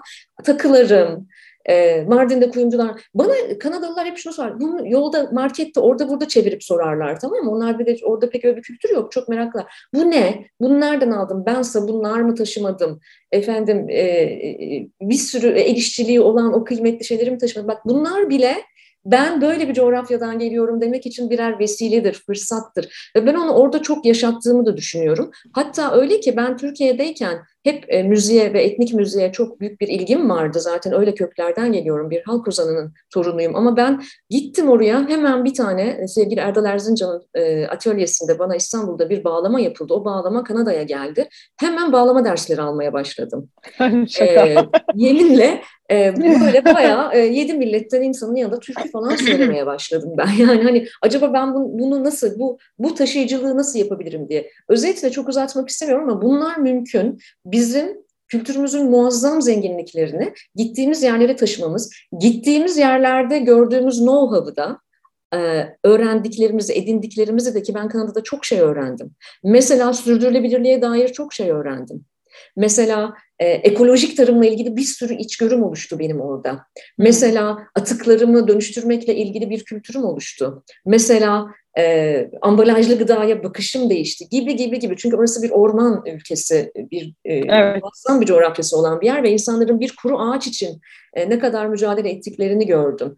E, dolayısıyla bütün bunları orada gördüklerimi girişimciliğe dair, kadın girişimciliğine dair, e, özellikle göçmenlerin entegrasyonuna dair ve yetkinlik gelişimine dair çok şey öğrendim Kanada'da.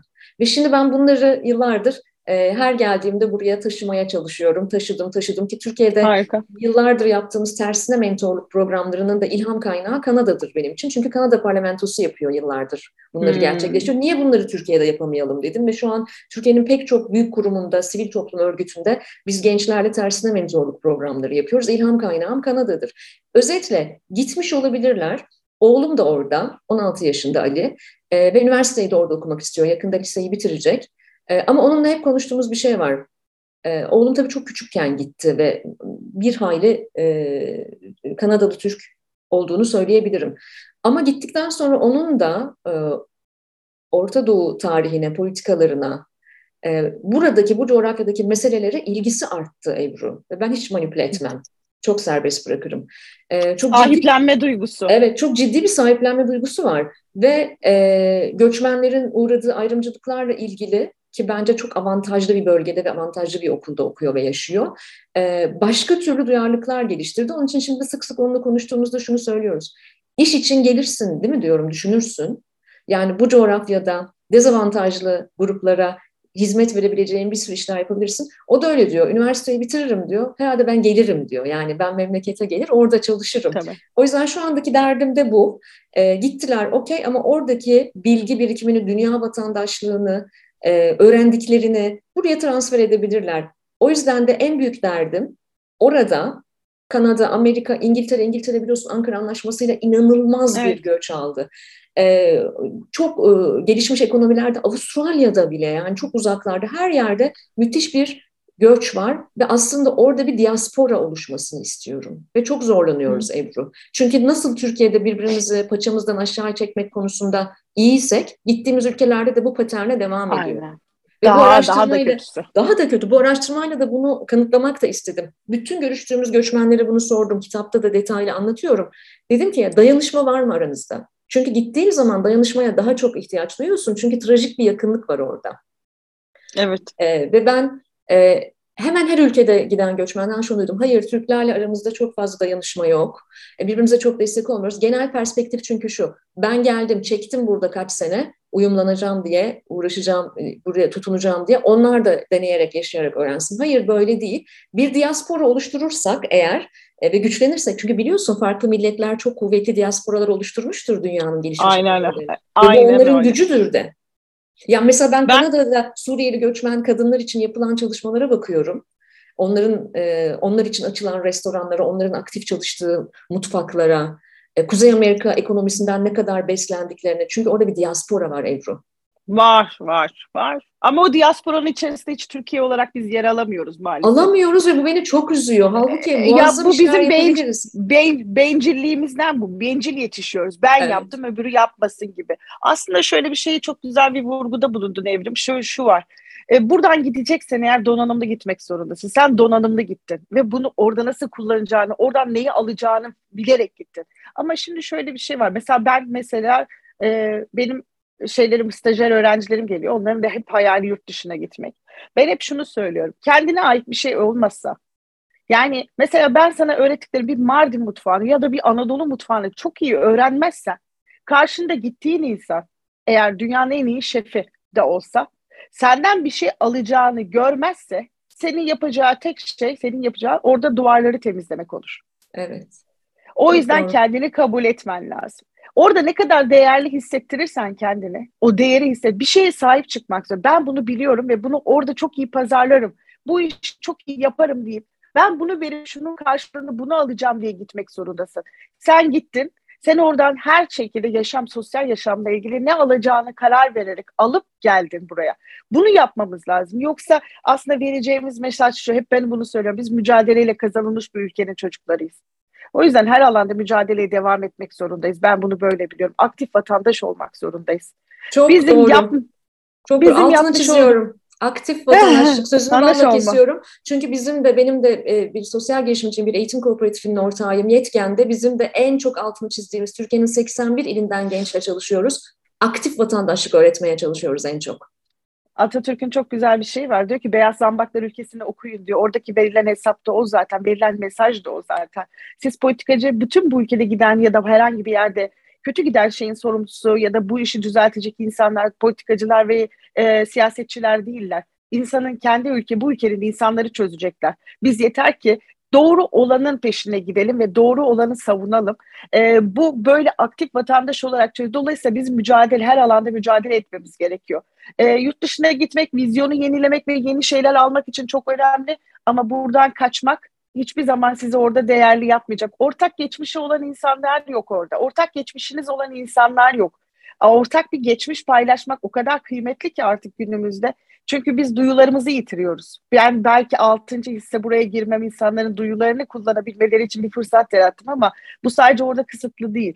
Bizim duygulara ihtiyacımız var. Biz milliyetçi insanlarız ve gerçekten ben diyorum ki ben İstanbul şeyde bir e, şeyde 2019 yılında Dünya Turizm Forumu'nda konuşmaya gittim ve 12 tane Türk arkadaşım vardı. Ben sahneye çıkınca ağlamaya başladılar. Dedim ki bu herhalde bize Türk olarak bize özgü bir şey. Bu duygulanmak, bu göğsümüzün kabarması.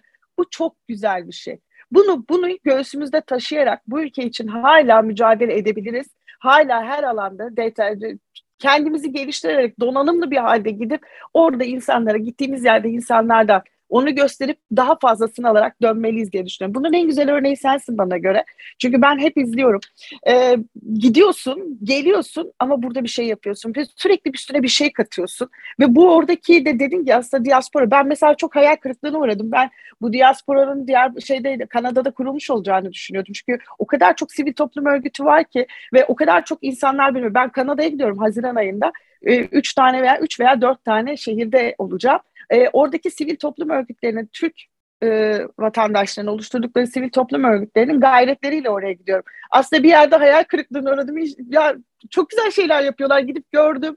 Ryerson Üniversitesi'nde 2018 yılında onlarla birlikte çok güzel bir etkinlikte konuştum. Üç buçuk saat konuştum bu arada. e, dolayısıyla dolayısıyla e, ya yapmamız, yapılandırmamız, ayaklarımızı yere basmamız lazım her yerde. Bu açıdan güzel bir örneksin. Kesinlikle öyle. Ben de e, bu yayında zaten Kanada'daki dinleyenlere, e, Kanada'daki dostları da bu haberi vermek istiyordum. Evet, Ebru'yu çok görmek istiyordunuz epey bir zamandır. E, bol bol konuşuyoruz oradaki dostlarla da. Ve Ebru geliyor Haziran'da. Bir Haziran'da. gezecek. E, onu yemek lütfen... yapacağız. Birlikte evet. yemek yapacağız. Birlikte toprak konuşacağız. Gelecek konuşacağız. Her Harika. şeyi konuşacağız. Bunu da zaten ayrıca ben de Kanada'daki dostlara da ayrıca duyuracağım e, vakit yaklaştığında ama e, Ebru'yu yakalayın, kaçırmayın, kaçırmazsınız da biliyorum. E, Kanada'da biz biraz daha avantajlıyız çünkü bu tarz etkinliklere, e, bu tarz buluşmalara çok uzak bir yer olduğu için çok e, hevesli insanlar. Ben her kitabımda Türkiye'de yaptığım belki imza günlerinden daha fazlasını, daha kalabalığını Kanada'da yapmışımdır. Bunlara karşı çok açıklar. Eminim e, iştirak edecekler ve benim ikinci sorum da zaten tam olarak buraya bağlanacaktı. Tersine göç konusuna bağlanacaktı ama bir başka katmanını açacağım bir yandan da. Şimdi ben bir taraftan e, sürdürülebilirliği ben sadece e, ekolojik sürdürülebilirlik olarak ele almıyorum. Üç boyutu var. Yetenek sürdürülebilirliği, toplum sürdürülebilirliği ve çevre sürdürülebilirliği. Çevreyle ilgili benim yapabileceğim işler bireysel olarak e, sınırlı. Yani ben bir milliye çok özen gösteren bir insanım. E, dünyanın neresine gidersem gideyim umumi bir tuvalette su akıyorsa boş boşuna ben onu kapatırım. Benim evet. memleketim değil, benim evim değil. Parasını ben ödemiyorum şey yok. diye düşünmem. Öyle yani bu şey çünkü yok. benim e, dünyanın kaynağıdır ve çocuklara ve bundan sonraki jenerasyonlara sorumluluğumuzdur. Ama bir yandan bireysel çalışmaların ötesinde ben e, kurumsal olarak yetenek sürdürülebilirliği konusunda e, belki bir çorbada tuzun olabilir diye yıllardır düşünürüm ve bir şeyler de yaparım. E, bilhassa yurt dışına giden insan kaynağıyla ilgili tersine göç nasıl sağlanabilir konusunda kafa patlatıyorum. Ama şimdi bir yandan Türkiye'de başka bir durum da yaşanıyor e, yüksek kira artışları mega kentlerde, enflasyonun e, yarattığı e, derin ekonomik kırılganlık, özellikle büyük şehirlerdeki ve kıyı bölgelerde e, hissiyatı, olumsuzlukları daha çok e, büyüttü. Dolayısıyla mesela ben bir tersine göç örneğiyim. Gittim ve geri geldim Türkiye'ye. Ama sen de bir tersine göç örneğisin. Sen de mega kentten 1999 yılında memlekete gittin. Dolayısıyla bu konuda ne düşünüyorsun? Anadolu'da ne yapabiliriz, neler olabilir? Az önce sen de e, söyledin, eğitim sebebiyle ülkede gidenler var, e, üniversite e, sebebiyle gidenler var. Burayı nasıl yönetebiliriz? Anadolu'ya nasıl kaynak çekebiliriz? Biraz bunlarla ilgili seni duymak istiyorum. Tersine göç hep benim anlattığım konu işte. Şimdi hep e, ben 2017 yılında gastronomi sektöründe çok daha fazla duyulur oldum. Çünkü oysa 99 yılından beri biz bir destinasyon olmayan bir destinasyonu yaratıp içerisinde bu destinasyonun içerisine insanları koyup gerçekten e, bir yere kadar gelmiş durumdaydık. Ben Mardin'e gittiğim zaman Mardin'de e, 1992 99 yılının e, TÜİK raporlarını söyleyeceğim size. Mardin'de e, yatak kapasitesi 220'ymiş ya kamu misafirhaneleri dahil. Bir de e, Mardin'i ziyaret eden turist sayısı 11 binmiş. Şimdi 99 yılı güvenlik sorunu var. Bir yerden bir yere gidebilmen için konvoyları beklemek zorundasın. İlçeye gidiyorsun. Konvoy dediğimiz askeri araçlar. Ee, mesela siz Savur ilçesinden Mardin merkeze gidebilmek için belli bir saatten sonra, saat üç buçuktan sonra tek başınıza seyahat edemiyordunuz.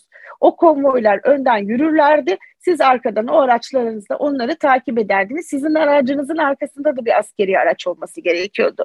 Tabii o, o dönemin güvenlikle ilgili sıkıntıları vardı. Ve bunu şu anda hiç yaşamıyoruz. Çok güvenli bir ortamdayız.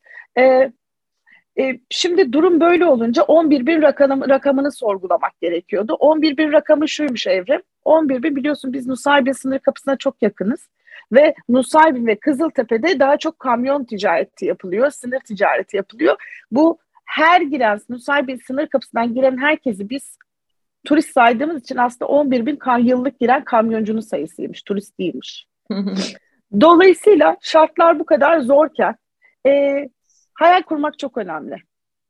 Kendinin farkında olmak çok önemli ve çevrenin farkında olmak çok önemli bu arada. Ben kendimin farkındayım. Ben çok tutkularım vardı. Ve çok zeki olduğumu biliyorum. Çok akıllı olduğumu da biliyorum. Bunu bunu bilmek bu bir şeylik değil. Bu bir ego değil. Bu insanın kendine ve yapabileceklerini önce kendini çok iyi tanımak. Bunu bana bir hocam öğretti. Üniversitede bir hocam. Ne yapmak istediğinizi, önce kendi kişiliğinizi ortaya koyun artılarınızı eksilerinizi koyun ve neyi hayatınızı yönlendirirken kullanabileceğinizi şey yapın seçin derdi. Ben çok akıllı olduğumu, çok tutkulu olduğumu e, ve başarmayı sevdiğimi biliyordum. Ama ve kafama koyduğumu yapacağımı biliyordum. Mardin benim için bir tutkuydu. Ondan sonra ben bu işi yapabileceğimi düşündüm. Aslında benim yaptığım iş sadece eğitim ve gelir düzeyi. Çünkü tabii ben de bunu öğrendim. Ben de yaşayarak öğrendim. Ama benim tek bir romantik hikayem vardı. Ben Mardin'e gideceğim, turizm yapacağım. O zaman oraya gittiğiniz andan itibaren bu çok romantizm olmuyor. Bu biraz daha sıkıntı oluyor. Bana şey soruyorlar, ne gibi sıkıntı yaşadınız? Ee, ben hep şu cevabı veriyorum. Ben bu sıkıntıları anlatarak vakit kaybetmek istemiyorum. Önümde ne yapacaklarımı anlatırsam size daha iyi olur. Hep önümüze bakmamız gerekiyor.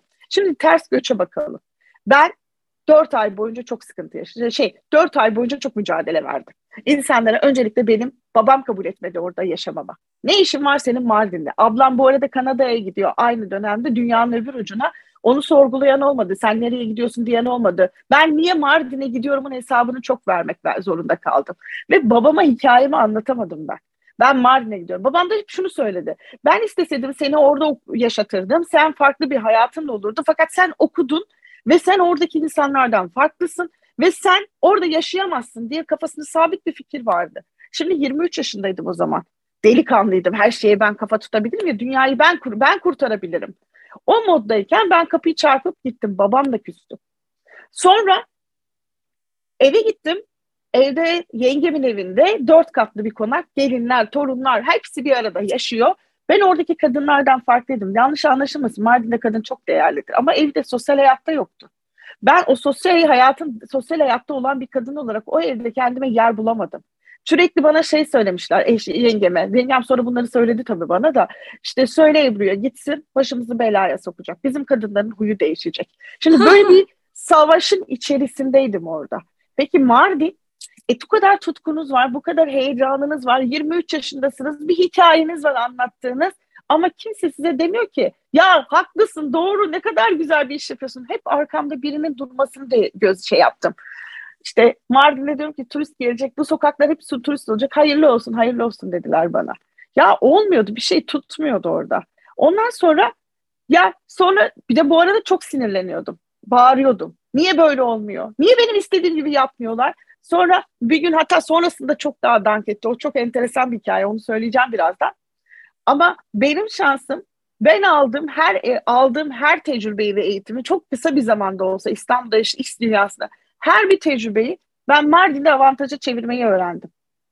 Şey yemekleri beğenmedi insanlar eve alıp evde yemek kadınlar yemek yaptılar. Sonra o kadınlarla ben yemek yapmaya başladım. Sonra o bir gün bir İtalyan turist grubu geliyor ve biz hep yer sofrası hazırlıyoruz. Bu yer sofrasında e, insanlar oturamayacağı için masa sandalye aramaya gittim. Masa sandalye bulamadım. Sonra Mardin Müzesi geldi aklıma. Şuradan geldi. Çünkü İstanbul'da Topkapı Sarayı ve Dolmabahçe Sarayı'nda e, insan turistlere yemek veriliyor. Niye Mardin Müzesi'nin kafeteryasında verilmesin diye mantığıyla çıktım. Çünkü orada gördüğümü burada uygulamaya çalışıyorduk. Sonra orada biz müzenin kafeteryasını kiraladık. Sonra o müzenin kafeteryasına yemek vermeye başladık. Zaten Mardin'e turist gelmiyor. E bize gelen herkes kafeterya şey müzeye giriş parası ödüyor. Müzeyi geziyor. Müzenin temizliğini biz yapıyoruz. Kafeteryasını biz işletiyoruz. Ondan sonra müzede bir ekonomi dönmeye başladı. Bu ilk hikaye, hikayeydi. E, zaman içinde tabii birileri şikayet etti. Bu arada kadınlar da yaptığı işi çok keyifle saklıyorlar. Soruyorlar nereye gidiyorsunuz? Düşünsene saat 11'de 21 tane kadın o Cumhuriyet Meydanı'nda tencerelerle her gün müzeye gidiyor. Ne oluyor diye soruyorlar. Bugün mevlüt var diyorlar orada. Bugün düğün var. Tabii şey işin güzel ve şey yani o zamanki tabii bu kadar sevimli olmuyor. Tabii sürekli bir şey önünüze engel olarak geliyor. Ama ben oradaki kısa dönemdeki İstanbul'da 23 yaşındaydım ben geldiğimde. Oradaki yaşadığım hayatla birlikte kısa zamanda edindiğim tecrübeyi ve aldığım eğitimi avantaja dönüştürmenin yollarını aradım. Destinasyonlar hazırlamayı okulda öğrendim.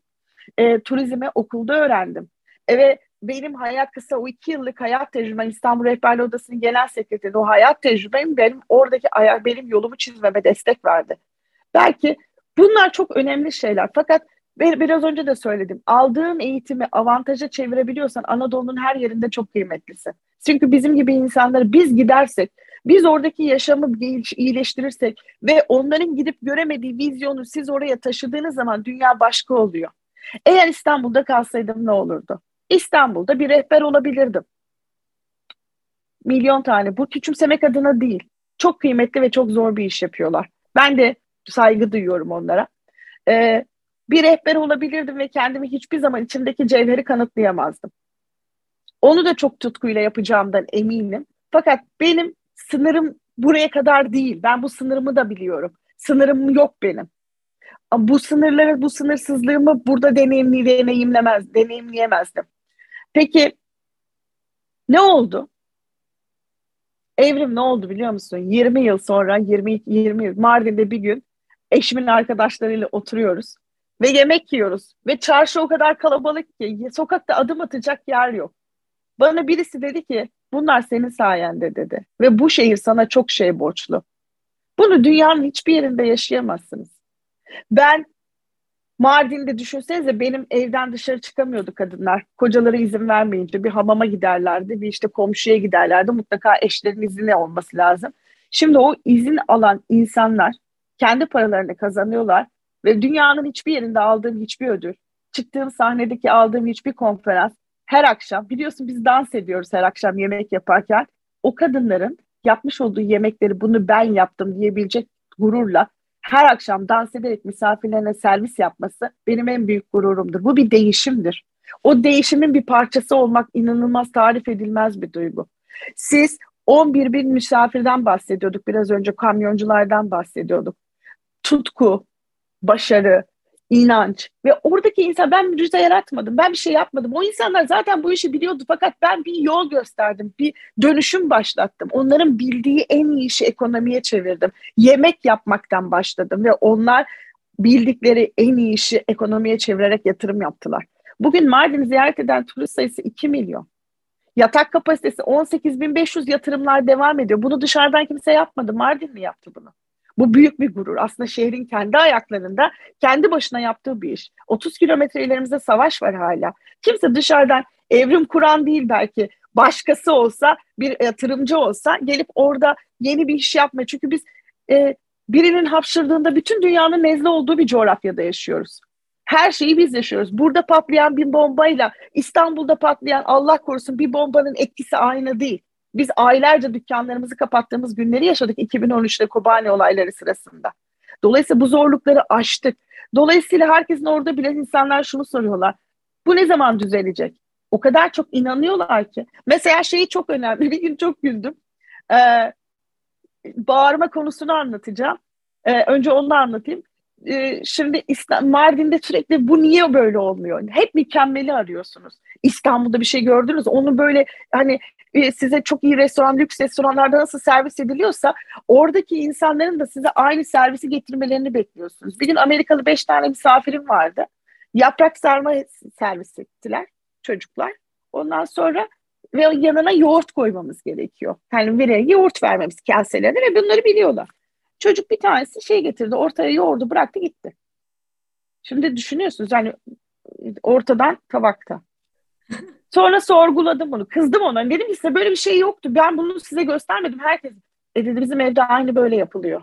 Şimdi şeyi düşündüm. Benim hiçbir tanesi hiçbir proje personelin profesyonel gastronomi eğitimi ve turizm eğitimi almamış insanlar. Ne öğrettiysek biz öğrettik onlara. Bizden ne gördüyse onu yaptılar. Sonra şunu sorgulamış. Sen ne verdin ki onlara? Ne istiyorsun?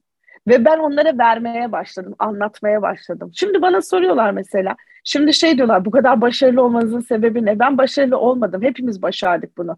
Ben birisine insi ben öncelikle bu da bana öğretilen bir şeydi. İnsana yatıran yapılan yatırım en kıymetli yatırımdır. Ve e, o insanlara ne veriyorsunuz onun karşılığını alıyorsunuz. Ben hep onları öğretmeye çalıştım. Şimdi mesela bir şey söyledikleri zaman bana sarıldıkları zaman da şey söylüyorum. E, yanlış yapmaktan korkmayın diyorum. Yanlış yaparsanız düzeltiriz. Bazen çok sorumluluk veriyorum onlara korkuyorlar biz bunu yapamazsak. Yapamazsan e, düzeltiriz tekrar yaparız ama yaparsan da başarır birlikte alkışlarız diyorum. Bu çok şey veriyor. Şimdi bu kadar size anlattığım projeler nasıl yürüyor diyorsanız böyle yürüyor. İnsanlara inisiyatif vererek, onları güçlendirerek. Dolayısıyla tersine göç mü? Ben İstanbul'da bu kadar kıymetli olmazdım. Bu kadar mutlu bir hayat yaşamazdım. Bu kadar keyifli olmazdım. Ee, ben çalışmıyorum. Ya sevdiğim hayatı hani Confucius'un dediği gibi şey diyor ya hani e, ya her sevdiğiniz şey diyor yaşadığınız şeyde e, sevdiğiniz işi yaparsanız çalışıyor sayılmazsınız. Ben hiç çalışmıyorum. Ben acayip keyifli bir hayat yaşıyorum. O yüzden bu tercih sizinle alakalı.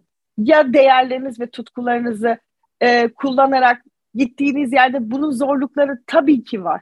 Tabii ki var. Bunu kadın veya erkek olarak yaşadım, bir insan olarak yaşadım. Bundan da nefret ediyorum. Kadın olarak ne yaşadınız diye.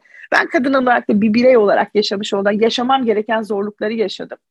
Ama ondan sonrası muhteşem oluyor. Bunu bir tek sizin başarınız olmuyor. Bir şehrin başarısı oluyor. 2 milyon turist 18.500 yatak kapasitesi. Kaç tane insanın hayatına dokunuyor düşünebiliyor musunuz? Bir şehrin ekonomisini değiştiriyorsunuz. Bence kıymetli olan bu. Ve hep şunu söylüyorum. Burası da bir aracın senin sayende bunu tekrar üstüne basmak istiyorum. Anadolu'nun bir yerinden İstanbul'a, büyük şehre Ankara'ya, İzmir'e ya da çok iyi bir eğitim almak için bir yere gidiyorsanız eğitim aldığınız eğitim ne olursa olsun ne olur şehrinize dönüş, dönün ve döndüğünüzde aldığınız eğitimi başka insanlar için avantaja çevirin. Bu çok en kıymetlisi bu. Bizim yapmamız gereken bu. Dünyanın başka bir ucuna girip de şeyin yani hiçbir şey değil de oradaki ortak geçmişiniz olmayan insanlara ne katabilirsiniz? Sadece kendinizi geliştirebilirsiniz. Kendiniz için bir şeyler yapabilirsiniz. O insanlar için bir şey yapamazsınız. Zaten onlar da sizin getirdiğiniz her şeyi almaya açık değiller. Ama diğer geride bıraktığınız insanlar buna açıklar. Sizin mucizeler yaratabileceğinizi düşünecekler. Ben bunu yaşıyorum ve bununla mutluyum. Tersine göç değil. Ülkenin neresinde olursanız olun bu ülkenin içerisinde yaptığınız her şey çok kıymetli. O yüzden aldığınız eğitimi ben hep şunu diyorum. Hep avantaja çevirin. Harika. Ben bunun en güzel örneği. Ben bunun en güzel örneğiyim. Peki neredeyim? Bugün dünya kulvarındayım. Bunları açık ve size söyleyebilirim. İspanya'da Bask'tayım. Geçtiğimiz hafta Barcelona'daydım. Barcelona Gastronomi Forumu'nda yaptığım işi anlattım. Şimdi Almanya'ya gidiyorum. Onun arkasından Kanada var, Kolombiya, Şili var. Mardin'de yapmış olduğum, Türkiye'de yapmış olduğum işleri orada anlatıyorum. Dolayısıyla bu sizin globalleşmenizin önünde olan bir şey engel değil. Ve ben yurt dışında bir yerde yaşamış olsaydım, bir mutfakta çalışıyor olsaydım bunları yaşayamazdım. O yüzden bunları yaşayabileceğiniz bir sahne var. O da Anadolu ve çok kıymetli. Bizim en kıymetli Atatürk'ün inandığı bir şey var. Ben hep buna inanıyorum. Diyor ya Türkiye Cumhuriyeti ilelebet payidar kalacaktır. Bunu şunu kendisinin kanaat getirdim. Çünkü bu ülkeyi kurarken de güvendiği iki şey vardı. Bu ülkenin insan kaynağına çok güvenmiş, bu ülkenin toprağına çok güvenmiş. Ben aynen inançla devam ediyorum. Bizim insan kaynağımız ve toprağımız. Çünkü biraz önce milliyetçilik duygularıyla kabarık, ne bileyim duygularını bu kadar yoğun yaşayan başka ülkede başka insanlar yok. Biz varız. Ama bir de toprağımız var. Bunları birleştirirsek çünkü bu ülkeyi kurarken İzmir İktisat Kongresi çok kıymetlidir. Hala buna geri dönülmesi tarafındayım. E, çünkü burada toprağına güvenerek, insan kaynağına güvenerek yapmış olduğu, kurmuş oldukları en iyi iş yine insanın onların bildiği en iyi işten başlamış. Atatürk toprakla başlamış ve ilk başta toprakla ilgili işletmeler kurmuş, tarım işletmeleri kurmuş. E, aslında benim yaptığım işten farklı değil. İnsanların bildiği en iyi işten başlayarak bir şeyleri başarmış. Ben çok ondan ilham alıyorum e, yapmış olduğu her okuduğum şeyde mutlaka onu bu işe nasıl uydururum diye düşünüyorum. Mesela Sorgül projesi de bunlardan bir tanesi. O yüzden e, kıymetli bir ülkede yaşıyoruz ya Evrim. Gerçekten tutkulu insanlarız. Bunu da kendi ülkemizin avantajına kullanmalıyız. Harika, harikasın, harikasın. Muhteşem. Sözcüklerim tükendi. Ve ve ikinci soru sırası sende. Ben de soru sorayım peki. Peki senin tutkun ne? E, e, benim tutkum e, aslında senin tutkuna benziyor, benzeyen bir tutku. Mesela e, girişimcilerle veya işte e, bir şekilde özellikle kadın girişimcileri rol model alanlarla oturup konuştuğumuz sohbetlerdeki geçenlerde bir tanesinde seninle de beraberdik. E, hep şunu söylüyorum. E, benim hiçbir zaman amacım ünlü ve zengin olmak değil. Değildi. Bundan sonra da olmayacak. Dolayısıyla e, bunların çok büyük bariyerler olduğunu da düşünüyorum hatta. Yani çok daha büyük para kazanayım bireysel olarak ve daha ünlü olayım falan yani. Böyle bir e, böyle bir kaygım hiçbir zaman olmadı. Kendimi bildim bileli.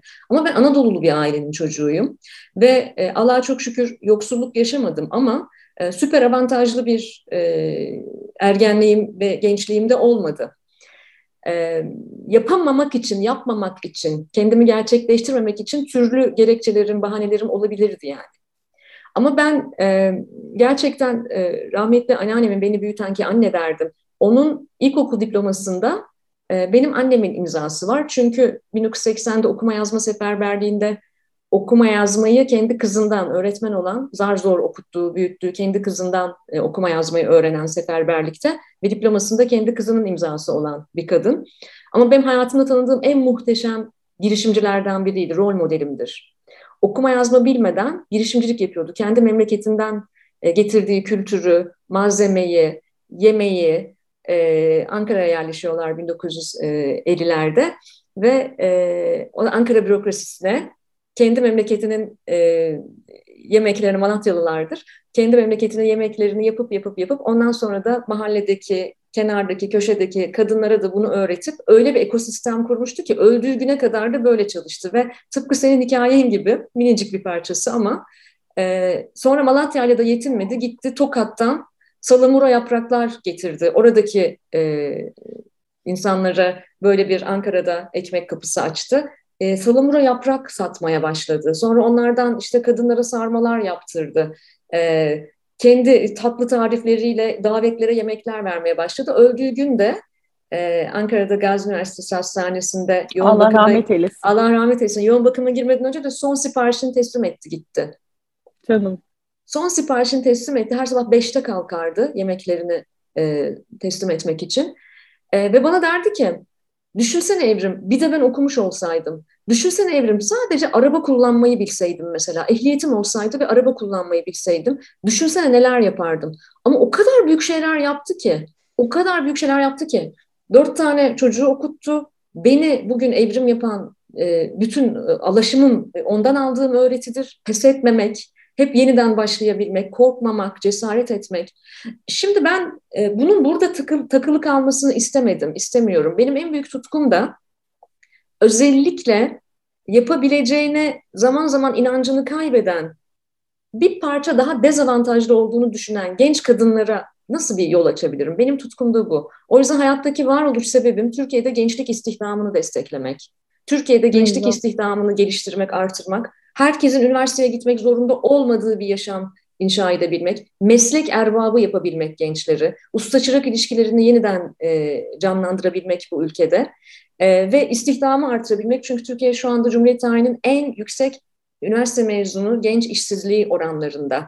E, ama bir yandan da hepsinin apayrı yerlerde değer yaratabileceğini düşünüyorum. Bütün varoluş sebebim bu. Hiçbir şey bu hayatta beni bu kadar mutlu etmiyor. O yüzden e, müteşekkirim yaşam bana ülkeden aldığımı ülkeye geri verme fırsatı sunduğu için yaşama, ne yaradana her zaman şükrediyorum. Her zaman şükrediyorum. E, naçizane ben kendi küçük ekosistemimde naçizane e, bir parmak e, tuz atabiliyorsam bu sofradaki bu yemeğe e, çok mutlu oluyorum ve beni her sabah yataktan kaldıran amaç da bu. Bütün amacım, bütün hayat amacım bu. Peki Evri bir şey soracağım. Tek hani üçüncü soru gibi değil ama şeyi soruyorum. Şimdi ee, üniversitedeyken e, Ahmet Şensıla geçtiğimiz günlerde kaybettik. Ee, ben eski e, eski Mardin Ömerli kaymakamıydı. E, ee, 1402'lik böyle değişik farklı bir hayatı olmuş ama hayata dair bildiğim her şeyi öğreten adamdı benim için. İki yıl çalıştım onunla. Aynı zamanda hocamdı. Kendinizin farkında olun derdi. Yeteneklerinizin, kişisel yeteneklerinizin ve bunu kullanır yolunuzu çizebileceğiniz yeteneklerinizin. Senin üç tane önemli özelliğin nedir yolunu çizmendeki? Ben söyledim. Sen sıra sen de sen de söyle. Çünkü bu neden biliyor musun? Bu aslında bir mesaj. Ben ben hayatımda çok yararlandım bu işten. Önce kendi insanın kendini tanıması ve çevresini tanıması ve sürekli değişimlere ayak uydurması çok önemli. Ki biz bunu geçen de konuştuk. Biz değişimlerin hızlı yaşandığı bir coğrafyada yaşıyoruz. Ve ülkede hiçbir şey, başka bir ülkede insanlar bu kadar değişime hızlı ayak uyduramıyorlar. Ve biz kendimizin farkında değiliz. Bu farkındalık neden? Çok güçlü bir coğrafyada yaşıyoruz. Kadim bilgilerin olduğu bir coğrafyada yaşıyoruz. Ee, ülkemizin imkanları çok fazla ve biz kendimizi tanımadığımız için maalesef ya bu bolluktan ya içerisinde olmaktan objektif olarak birbirimize bakamıyoruz. Ama önce insan kendine objektif olarak bakması gerektiğini söylerdi. Senin objektif olarak baktığınızda senin yolunu çizen, seni aydınlatan üç özelliğin neydi? Bunu herkesin yapması gerekiyor. Sorgulaması lazım kendi içerisinde. Bence sen de bunun farkındasın ve o yüzden buradasın. Ee, bence bize bunu paylaşırsan çok sevinirim. ne güzel. Birincisi galiba şu, e, Yılmazlığın, e, bugünlerde bu kavrama rezilians da diyorlar. E, Batı toplumundan e, devralmaya çalıştık bu kavramı. Halbuki o burada zaten, o bu coğrafyada. E, ben düşebilirim, düştüm de ama e, yeniden kalkabilirim e, ve kendi kendime kalkabilirim. Yani o e, içinde esneklik olan da bir yılmazlık. Onun için oğlumun mesela akademik başarılarıyla pek ilgilenmem. Yılmaz bir birey olmasını isterim. Yılmazlığa çok önem veriyorum. Yılmaz birey olmak için de e, problem çözmesine izin vermemiz gerekiyor insanların. Benim ailem Tabii. benim problem çözmeme izin verdi. Bak doğulu bir ailenin çocuğuyum ben. Anadolu'lu bir ailenin çocuğuyum. Senin de bahsettiğin gibi bir sürü konservatif e, bağlar olan ve sınırlamalar olabilen bir bir toplum. Ama e, beni gerçekten özgür bir birey, bir birey olarak yetiştirdiler. Yılmaz bir birey olarak yetiştirdiler. Anamın babamın Allah uzun ömürler versin beni büyüten e, rahmetli e, e, bizde bizde anneanne dede denmez bizim kültürümüzde. Ben annemin e, beni büyüten annesine babasına da anne ve baba derdim. E, rahmetli Ali babamın kendisi Türkiye'nin e, yetiştirdiği en önemli halk ozanlarından biridir. Oğlumun ismi o yüzden Ali'dir zaten. E, Ali babamdan, e, Emine annemden öğrendiğim şey budur. Yapabilirsin yapabilirsin. Biz hani o eskiden şey vardı. Bunu bir ordunun içine soksan buna bir şey olmaz falan. Hani bu Hı. biraz daha böyle toplumsal cinsiyet açısından kırılgan bir laf şu anda ama e, benim yapabileceğimi bana söylediler, gösterdiler. Öğrendim ben bunu. Yılmazlığımı ben ailemden öğrendim. Gittiğim herhangi bir okuldan, bilmem nereden, aldığım eğitimlerden falan öğrenmedim. Çünkü benim problem çözmeme izin verdiler.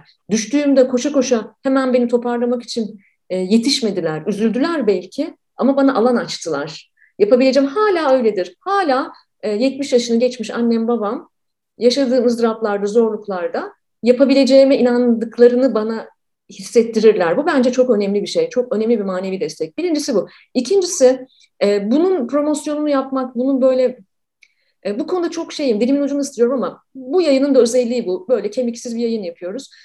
Benim çok güçlü bir inanç sistemim var. Ne güzel. İnanç sistemi, neye inanırsanız inanın.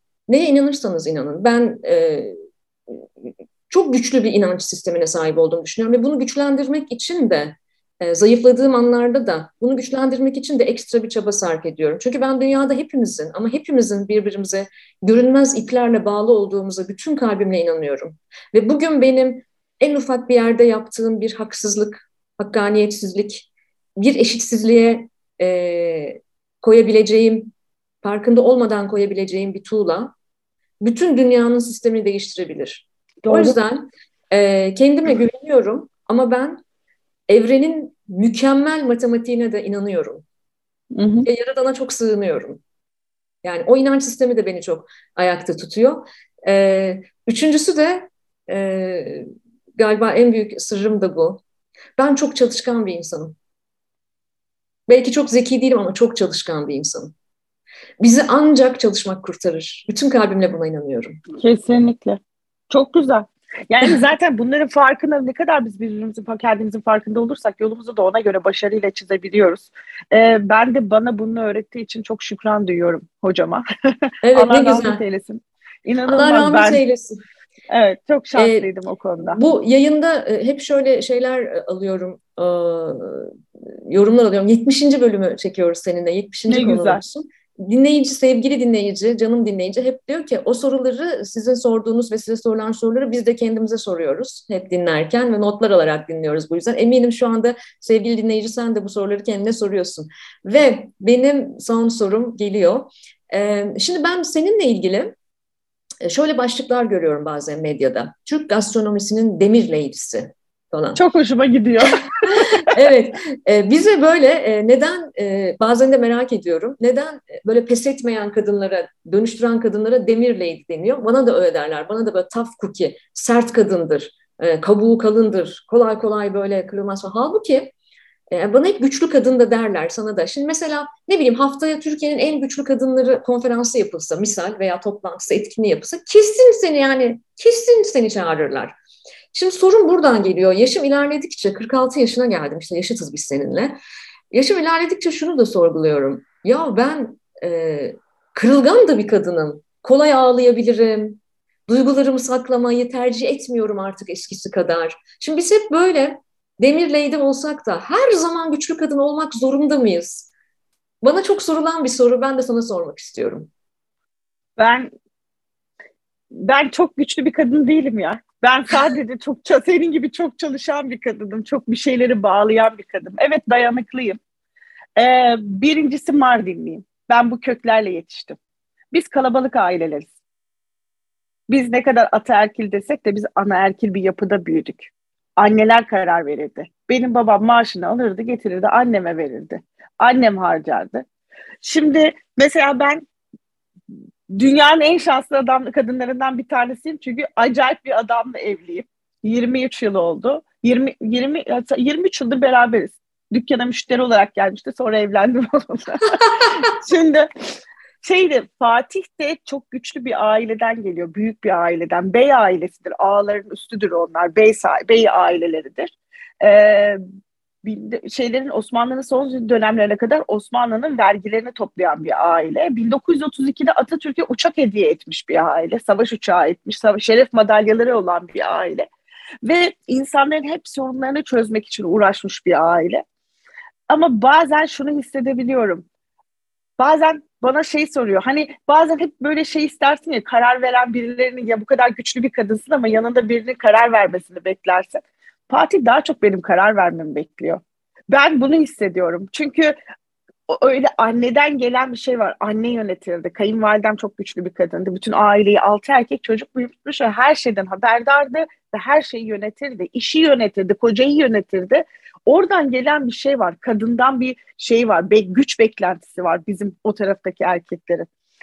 Ondan sonra e, şey güç hikayesi orada ama bu kadar güçlü olmaya çalışmak gerekmiyor ya. Biz işimiz yapmış olduğumuz işin e, istikrarı için belki bu kadar sert bir savaş içerisindeyiz ama ben belki de istisna kendi adıma konuşmam gerekirse ben o kadar güçlü değilim. Ee, sadece böyle hayatta bazı şeyler hep böyle şeyleri bir de şöyle bir şeyim var. Hayatta hayat bana bazı şeyleri çok zor öğretti. Ee, mesela bulunduğum yerde tarım işine girmem kızımın rahatsızlığından dolayı oldu. Ee, yani hep kötü şey bir iyi şehir doğurdu. Belki de e, ben de çok inançlıyım ve Allah'ın ya da yaratıcının bana e, bazı şeyleri e, gösterebilmesi için bazen sınavlarımızı ağır yapıyor diye düşünüyorum. Güçlü olmak değil aslında ya. Güçlü olmak lafını çok şey yapamıyorum, bağdaştıramıyorum. E, dayanıklıyız biz, dayanıklı kadınlarız. Biz e, öyle biz öyle yetiştiriliyoruz e, ve sorunların çözümü, sorun çözme, çözüm odaklıyız hepimiz. Benim annem de öyleydi, senin anneannen de öyleydi. Bizi öyle kodluyorlar. Biz çözüm odaklıyız. Bu sadece sen ve ben değil, Anadolu'nun bütün kadınları öyle. Şimdi yemek kültüründen, yemek yine yemekten, zengin bir yemek kültüründen bahsediyoruz. Bu yemekler mecburiyetten doğmuş, yokluktan doğmuş, yokluktan kadının becerisiyle doğmuş. Ve ben kadın erkek ayrımı da yapamıyorum mesela. Güçlü kadın, güçlü erkek. Böyle bir şey yok. Biz bu ülkenin güçlü bireyleriz. Bireyleriyiz. Kadın şiddetini konuşmayı çok sevmiyorum. Öğretmeyi istemiyorum. Bu, bu konuştukça öğrettiğimiz, konuştukça gündemde tuttuğumuz bir konu. Aslında başarıları konuşmak lazım. Bu işleri nasıl çözdüğümüzü anlatmak zorundayız. E, farklı bir konu da olsa e, gücümüzü burada kanıtlamalıyız. Şimdi güzel bir şey söyledin. Senin tutkunla ilgili bir şey söyleyeceğim. Hani güçlü kadın olmakla alakalı bir şey. Aslında güç değil buradaki. Buradaki dayanıklılıkla birlikte e, el ele tutuşmak. Ya bu öyle bir şey. Ben kendi başıma yapmadım bütün bu işleri. Bir sürü kadınla, bir sürü insanla el ele tutuşarak yaptım bu işi. Bir kadın konferansıydı. Ee, ve genelde bu son zamanlarda çok fazla böyle kadın konferansı. Yaşadığınız en kötü şey nedir? Ya kötü bir şey yaşamadım ben. Hep iyi şeyler yaşadım. Hep iyi şeylerle karşı karşıyayım. Ben size bu iyi şeyleri anlatayım diyorum. E, dolayısıyla buraya çok negatif tarafa yönlenmemek gerekiyor. Güç de tek başıma aldığım bir güç değil annemden, anneannemden, ailemin kadınlarından, onların modeli, rol modeliyim ben. Ve benim rol modelim onlar da senin de olduğun gibi. Ayakta durmak, hayatı devam ettirmek üzerine kurulu bir kodumuz var. Bir kadın toplantısında Batmanlı bir kadın çıktı. Kadın girişimciliği konuşuyoruz. Hayatımda sonrasında bunu çok düşündüm. Dediler ki girişimcilik konusunda konuşulurken kadın dedi ki bir şey söyleyeceğim size dedi. Hani bu kadar bütün gün konuştunuz o bu şundan şöyle kadının siyasette olmasından o büründen şundan bundan çok konuştunuz. E Batman'da kadın olarak doğmak da biz girişimdir aslında dedi. Ben buradan başlamak istiyorum. Wow. Bu çok ironik. Çok ironik ve çok böyle hani insanı sorgulatan bir konuydu, bir cümleydi. O yüzden güçlü şuradan geliyor. Başka kadınlarla birlikte biz bu işi başardık. Onların aklıyla var. Bana şey soruyorlar Mardin hani şehirlerin cinsiyetleri var mıdır? Evet var. Bana göre Mardin bir kadın. Her ağladığımda kadınlar gözyaşımı sildi benim. Ama hep güzel gözyaşları dökmeye başladık sonrasında. Birlikte çok güzel gözyaşları dökmeye başladık. O açıdan güç dediğiniz şey aslında bir arada olmak. Bizim gibi biz ailede Mardin'de büyük bütün konaklar çok büyük büyük duvarlı konaklar vardır. Bizde güç çok önemlidir. Çünkü feodal yapıdan geliyoruz. Erkek çocuğu bunun için, devamlılık için çok önemlidir. Evlendiğinde gelin eve gelir, çocuk orada büyür, her şey olur. Bir arada olmak gücü gerektirir. Benim gücüm de o birliktelikten geliyor. Bu ailemin içerisindeki, etrafında kurmuş olduğum o birliktelikten geliyor. Seninki de aynı öyle olduğunu düşünüyorum. Ee, bu Türkiye'nin güçlü kadınları falan dünyanın güçlü kadınları değil. Dünyada el ele tutmayı beceren biz iyi kadınlarız. Harikasın. Evet, e, buradan da e, kafamı çok karıştıran ve hiç de hoşlanmadığım Türkiye'nin en güçlü 50 bilmem nesi, dünyanın en güçlü 50 bilmem nesi falan listeleri bir tarafa e, el ele tutmayı başaran e, ve kırılganlığıyla var olabilen, kadın olarak var olabilen dayanıklı kadınlar aslında. E, sizin belki de e, kurumsal olarak o kurumsal dünyalarda güçlü kadın diye tarif ettiğinizin ötesinde bir kadın profili var sevgili e, kurumsal Nedense, hayatı Türkiye'nin. Evrim nedense bu hani kötü tecrübeleri ve ben bunu deneyimlerle öncelikle şunu söylemek istiyorum. Kadında neden kadın siyasette bu kadar kadın temsiliyetimiz yok? Biz hani ana erkilde gözüksek aslında ataerkil bir toplumuz bir yerde baktığınız zaman. E bizde nedir? Mülkiyet hakkı erkektedir, güç erkektedir, para erkektedir. O yüzden siyaset de pahalı bir iştir. O yüzden kadınlar siyasete girmekte bundan zorlan zorluk duyuyorlar. Bunu anlayabiliyorum. Ama bizim gibi kadınlar, senin benim gibi kadınların önünde siyasete girmek için bir engel yok. Bu bir tercih meselesi diye düşünüyorum. Dolayısıyla bunun konuşulmasından ziyade aslında yüreklendirmek, cesaret vermek lazım. Hani inandığın kadınlara, inandığın kadınlara orada olması temsiliyet için cesaret vermemiz gerekiyor. Bizim birbirimize cesaret vermemiz lazım. Yoksa bu konuşulan konu işte niye kadınlar yok diye sorgulamaktansa ne de siyasette niye bu kadar az kadın var diye sorgulamaktansa bu işi yapabileceğin insanları, yapabileceğine inandığın insanları e, cesaretlendirmek lazım. Ben çok kadın siyasetçi tanıyorum ve o gün bugün buradalarsa yarın da ormaları, orada olmasını dilediğim çok kadın var. Dolayısıyla e, onları cesaretlendirmemiz lazım orada durmaları için ya da daha da sayılarının artması için cesaret vermek zorundayız. Yoksa kimse benim önüme benim kocam demiyor ki sen git siyaset yapma demiyor. Senin için de engel olduğunu düşünmüyorum. İmkan bu bir imkan meselesi. Bu bir tutku meselesi. Eğer gerçekten bu işi yapabileceğine inandığın insanlar varsa buna cesaret, ona cesaret vermek doğrusu doğru olanı. Ee, şey tarafında da e, bu kadın hikayeleri noktasında da özellikle bir, bir de son zamanlarda çok kafamı kurcalayan bir şey. Bunları hep söylüyorum bu güç konusunda.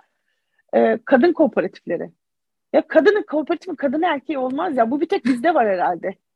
Yani ben bunu anlamıyorum. Şimdi bir gün şeyde bu pandemi döneminde kooperatif bu kadar yükselmiş ve bu kadar başarı grafiği yakalamış. Yani bir gazeteci bana sordu dedi ki kadın kooperatifinden. Benim kadın kooperatifim yok. Ben kadın, bir kadın kooperatifini desteklemiyorum. Yapmış olduğumuz işte bir kadın kooperatifi değil. Şimdi düşünebiliyor musunuz? Pandemi dönemine göre gel. Ve o dönemde insanlar işlerini kaybettiler.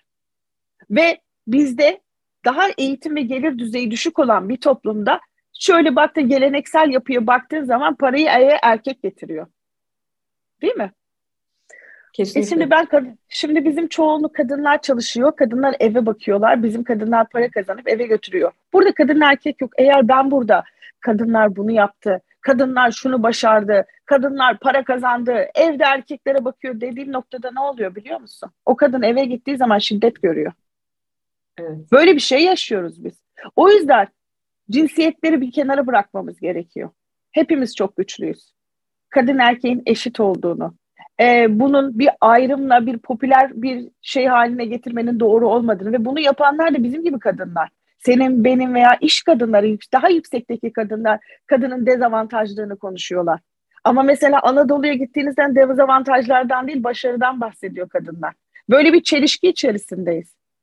Ben e, aslında hani bu çok sorguladığım bir konu. Batı'daki bence Batı'da ya da da büyük şehirde yaşayan insanlar daha çok mu daha mı kadınlar dezavantaj yaşıyor da bunu çok daha fazla bir şekilde bir başka şekilde dile getirmeye mi çalışıyorlar diye düşünüyorum. Ee, bu da bir olabilir gerçi ama biz dezavantajları konuşmamamız lazım. Biz benim biraz önce söylediğim belki ne kadar kıymetli olur ama geçmişi bırakalım. Ne yaşandıysa yaşanır. Ama önümüzde bakalım. Geçmişi tekrar yad ederek, geçmişte yaşadıklarınızı yad ederek e, vakit kaybetmek yerine önümüze bakmamız lazım. Daha da güçlenmemiz lazım. Bana göre en büyük girişim nedir biliyor musun? Nedir? Bana göre en büyük girişim başka bir kadının cesaret vererek yanında yer almasını sağlamaktır. En büyük girişim budur bence. E, çünkü ben dediğim gibi e, hani dışarı çıkmaktan veya başka şey daha önce hayatında deneyimlemediği şeyleri şimdi yeni yeni deneyimleyecek olan insanlar var hayatımda. Ve bu cesareti vermek beni mutlu ediyor. O açıdan da benim için en büyük girişim e, başka bir kadına e, cesaret vermek, belki de fırsat vermek diye tanımlayabilirim. Harika, harika. E, evet. Ee, bu, bu söylediğim bana Eduardo Galeano'nun nefis bir e, sözünü hatırlattı. Bir kez daha onun altını çizmek isterim. Hayırseverlik dikeydir, aşağılar. Dayanışma yataydır, yardım eder. Ve evet. dayanışma yatay. Bizim bu yataya ihtiyacımız var. Hepimiz olarak, ülke evet. olarak buna ihtiyaç. Birbirimize buna ihtiyacımız var. var. Çok güzel bir şey söyledin. Birbirimize görünmez bağlarla bağlıyız. O açıdan da bugün bizim verimiz toplumda herhangi bir olaya verdiğimiz tepki başka bir ülkede verilen tepkiden çok daha farklı. Duygularımız var bizim. Biz bu duygularımızı kaybetmemek ve kaybetmemek için de çok çok daha yolumuz var diye düşünüyorum. Umutsuz olmamak gerekiyor. Bir kere yazmış demiş ki Türkiye Cumhuriyeti ilelebet payidar kalacaktır. Bu ülkenin insanına ve toprağına güvenerek söylemiş. Harikasın ve e, özellikle şu dönemde o kadar ihtiyacımız var ki umudu hatırlamaya. E, ve basit bir laf değil. Umudun içinde eylemlilik var. Umut romantik bir laf değil. Eylemlilik olan e, bir evet. laf. Yani aktif vatandaşlık gerektiren bir sorumluluk umutlu Kesinlikle. olmak. Kesinlikle. Ve e, ve sen aslında kombine bir soru yapmıştın ama yine de teamül gereği üçüncü ve son soruyu senden alacağım. Diyorsun. Peki. Mardin'e ne zaman geliyorsun Evrim? İlk sorduğum soru olsun. Süper. Mardin'le başladık. Mardin'le kapatalım. Ee, en kısa zamanda gelmek istiyorum. Acayip özledim. Buradan Mardinli bütün dostları sık sık soruyorlar bana ne zaman geliyorsunuz diye. Ee, en kısa zamanda geleceğim. Hatta insanları örgütlemeye çalışıyorum İstanbul'da. Ee, bir hafta sonu bir yere kaçalım dediklerine tamam hadi Mardin'e gidelim diye böyle bir örgütlemeye çalışıyorum. En kısa zamanda geleceğim. Mardin'deki e, dostlarım, hepinizi çok seviyorum, çok özledim. Mardin'deki kadın girişimci dostlarım. Her Mardin'e geldiğimde e, bana muazzam bir deneyim yaşatan sevgili Leyla, 40 yaşından sonra turist rehberi olmuş ve bir kadın girişimci olmuş Leyla. Buradan sana sevgilerimi gönderiyorum. Hepinizi çok seviyorum, çok özledim. Ve lütfen Mardin'e gidin. Sevgili dinleyici, Mardin'e gidin. Evrim bu kadar kolay kurtulamazsın bu kısa sorumdu. Şimdi uzun soruyu soruyorum. Peki. Uzun soruyu soruyorum. Ee, bir sonraki adımın ne? Aa. çünkü çünkü geldin yine radikal bir kararla gittin radikal bir kararla geldin. Peki bundan sonra ne istiyorsun? Ne yapmak istiyorsun? Ee, daha fazla e, toplumsal sürdürülebilirlik üzerine daha fazla çalışmak istiyorum. Daha çok yazmak istiyorum. E, daha fazla kadına erişmek istiyorum. Tatmin olmuyorum şu anda. E, dokunduğum yerler ben daha fazlasını yapabileceğimi biliyorum. Daha fazla şeyi tetikleyebileceğimi biliyorum. Bir de yaş ilerliyor ya Ebru. Zamanımız da böyle azalıyor ya. Daha böyle öyle hissim, hissiyatım var. Daha verimli çalışmam lazım. Daha çok bireye ulaşmam lazım gibi. Yani ticari çalışmalarımı azaltıp e, sosyal girişimciliğimi, sosyal çalışmalarımı artırmayı çok istiyorum. Ve daha çok dediğim gibi yazmak istiyorum. Ve e, hayatımın kalan kısmında da e, tamamıyla şu an İstanbul'a yerleştim döndüğümde hı hı. E, tamamıyla İstanbul'da olmak da istemiyorum. Yani İstanbul'dan e, hayalimdeki e, hayatı gidip kurabileceğim e, ki Mardin bunlardan biri gerçekten çok istiyorum. E, böyle bir Anadolu coğrafyasında yaşantıma e, devam, devam etmek, etmek istiyorum. Evet. Ben şunu da fark ettim sende de. Ben de şey zamanı çok sorgulamaya başladım. Sen de sanırım aynı şekilde. Evet, ne kadar evet. vakit var? Ne kadar çok vakit var? Daha neler yap Mesela ne yaz tatilini düşün Ebru. Mesela yazın işte dostlar e, başlıyorlar e, kışın işte yazın e, hangi tekneyle nereye açılalım Bodrum'a mı gidelim şunun bunun. Mesela ben e, hiç içime sinmiyor böyle planlar yapmak. Çünkü kaç tane yazımız kaldı ki diye düşünüyorum. Bu herhalde bu yaşların e, belli bir şeyi herhalde. E, bundan sonraki zaman ne kadar kaldı ve ben daha neler yapıp neler evet. bırakabilirim peşine düşüyorsun. Ne mutlu ki sana ve ona ve bütün böyle düşünen herkese. E, çünkü dediğin gibi hani bir amaç bırakma, bir iz bırakmak çok kıymetli. Ne mutlu sana ve bana ve hepimize dediğim gibi tekrar. Kesinlikle e, hamdolsun ki biz böyle bir e, yaşantı içerisinde payımıza düşen kısmı alabiliyoruz. Herkese hayatının amacını, ulvi amacını yani kendinden daha büyük bir amacı bulduğu, hissettiği ve o amaca uygun yaşadığı bir ömür diliyorum ben. Çünkü biliyorum bu mümkün. İyi ki geldin. Bence de. İyi Çok teşekkür ediyorum. 3 Çok keyifli 3. bir sohbetti. Benim için de öyle belgesel gibi bir şey oldu ya. 3 artı 3 tarihinin e, en uzun yayınını çektik sevgili dinleyen. Ama buraya kadar geldiğinizi ve çok keyifle dinlediğinizi biliyorum. Çünkü tanıyorum 3 artı 3 dinleyicisini de. Ebru iyi ki geldin, iyi ki varsın, iyi ki bu topraklarda hayat bizi buluşturdu. En kısa zamanda Mardin'de görüşmek üzere. İnşallah bekliyorum. Çok sevgiler herkese.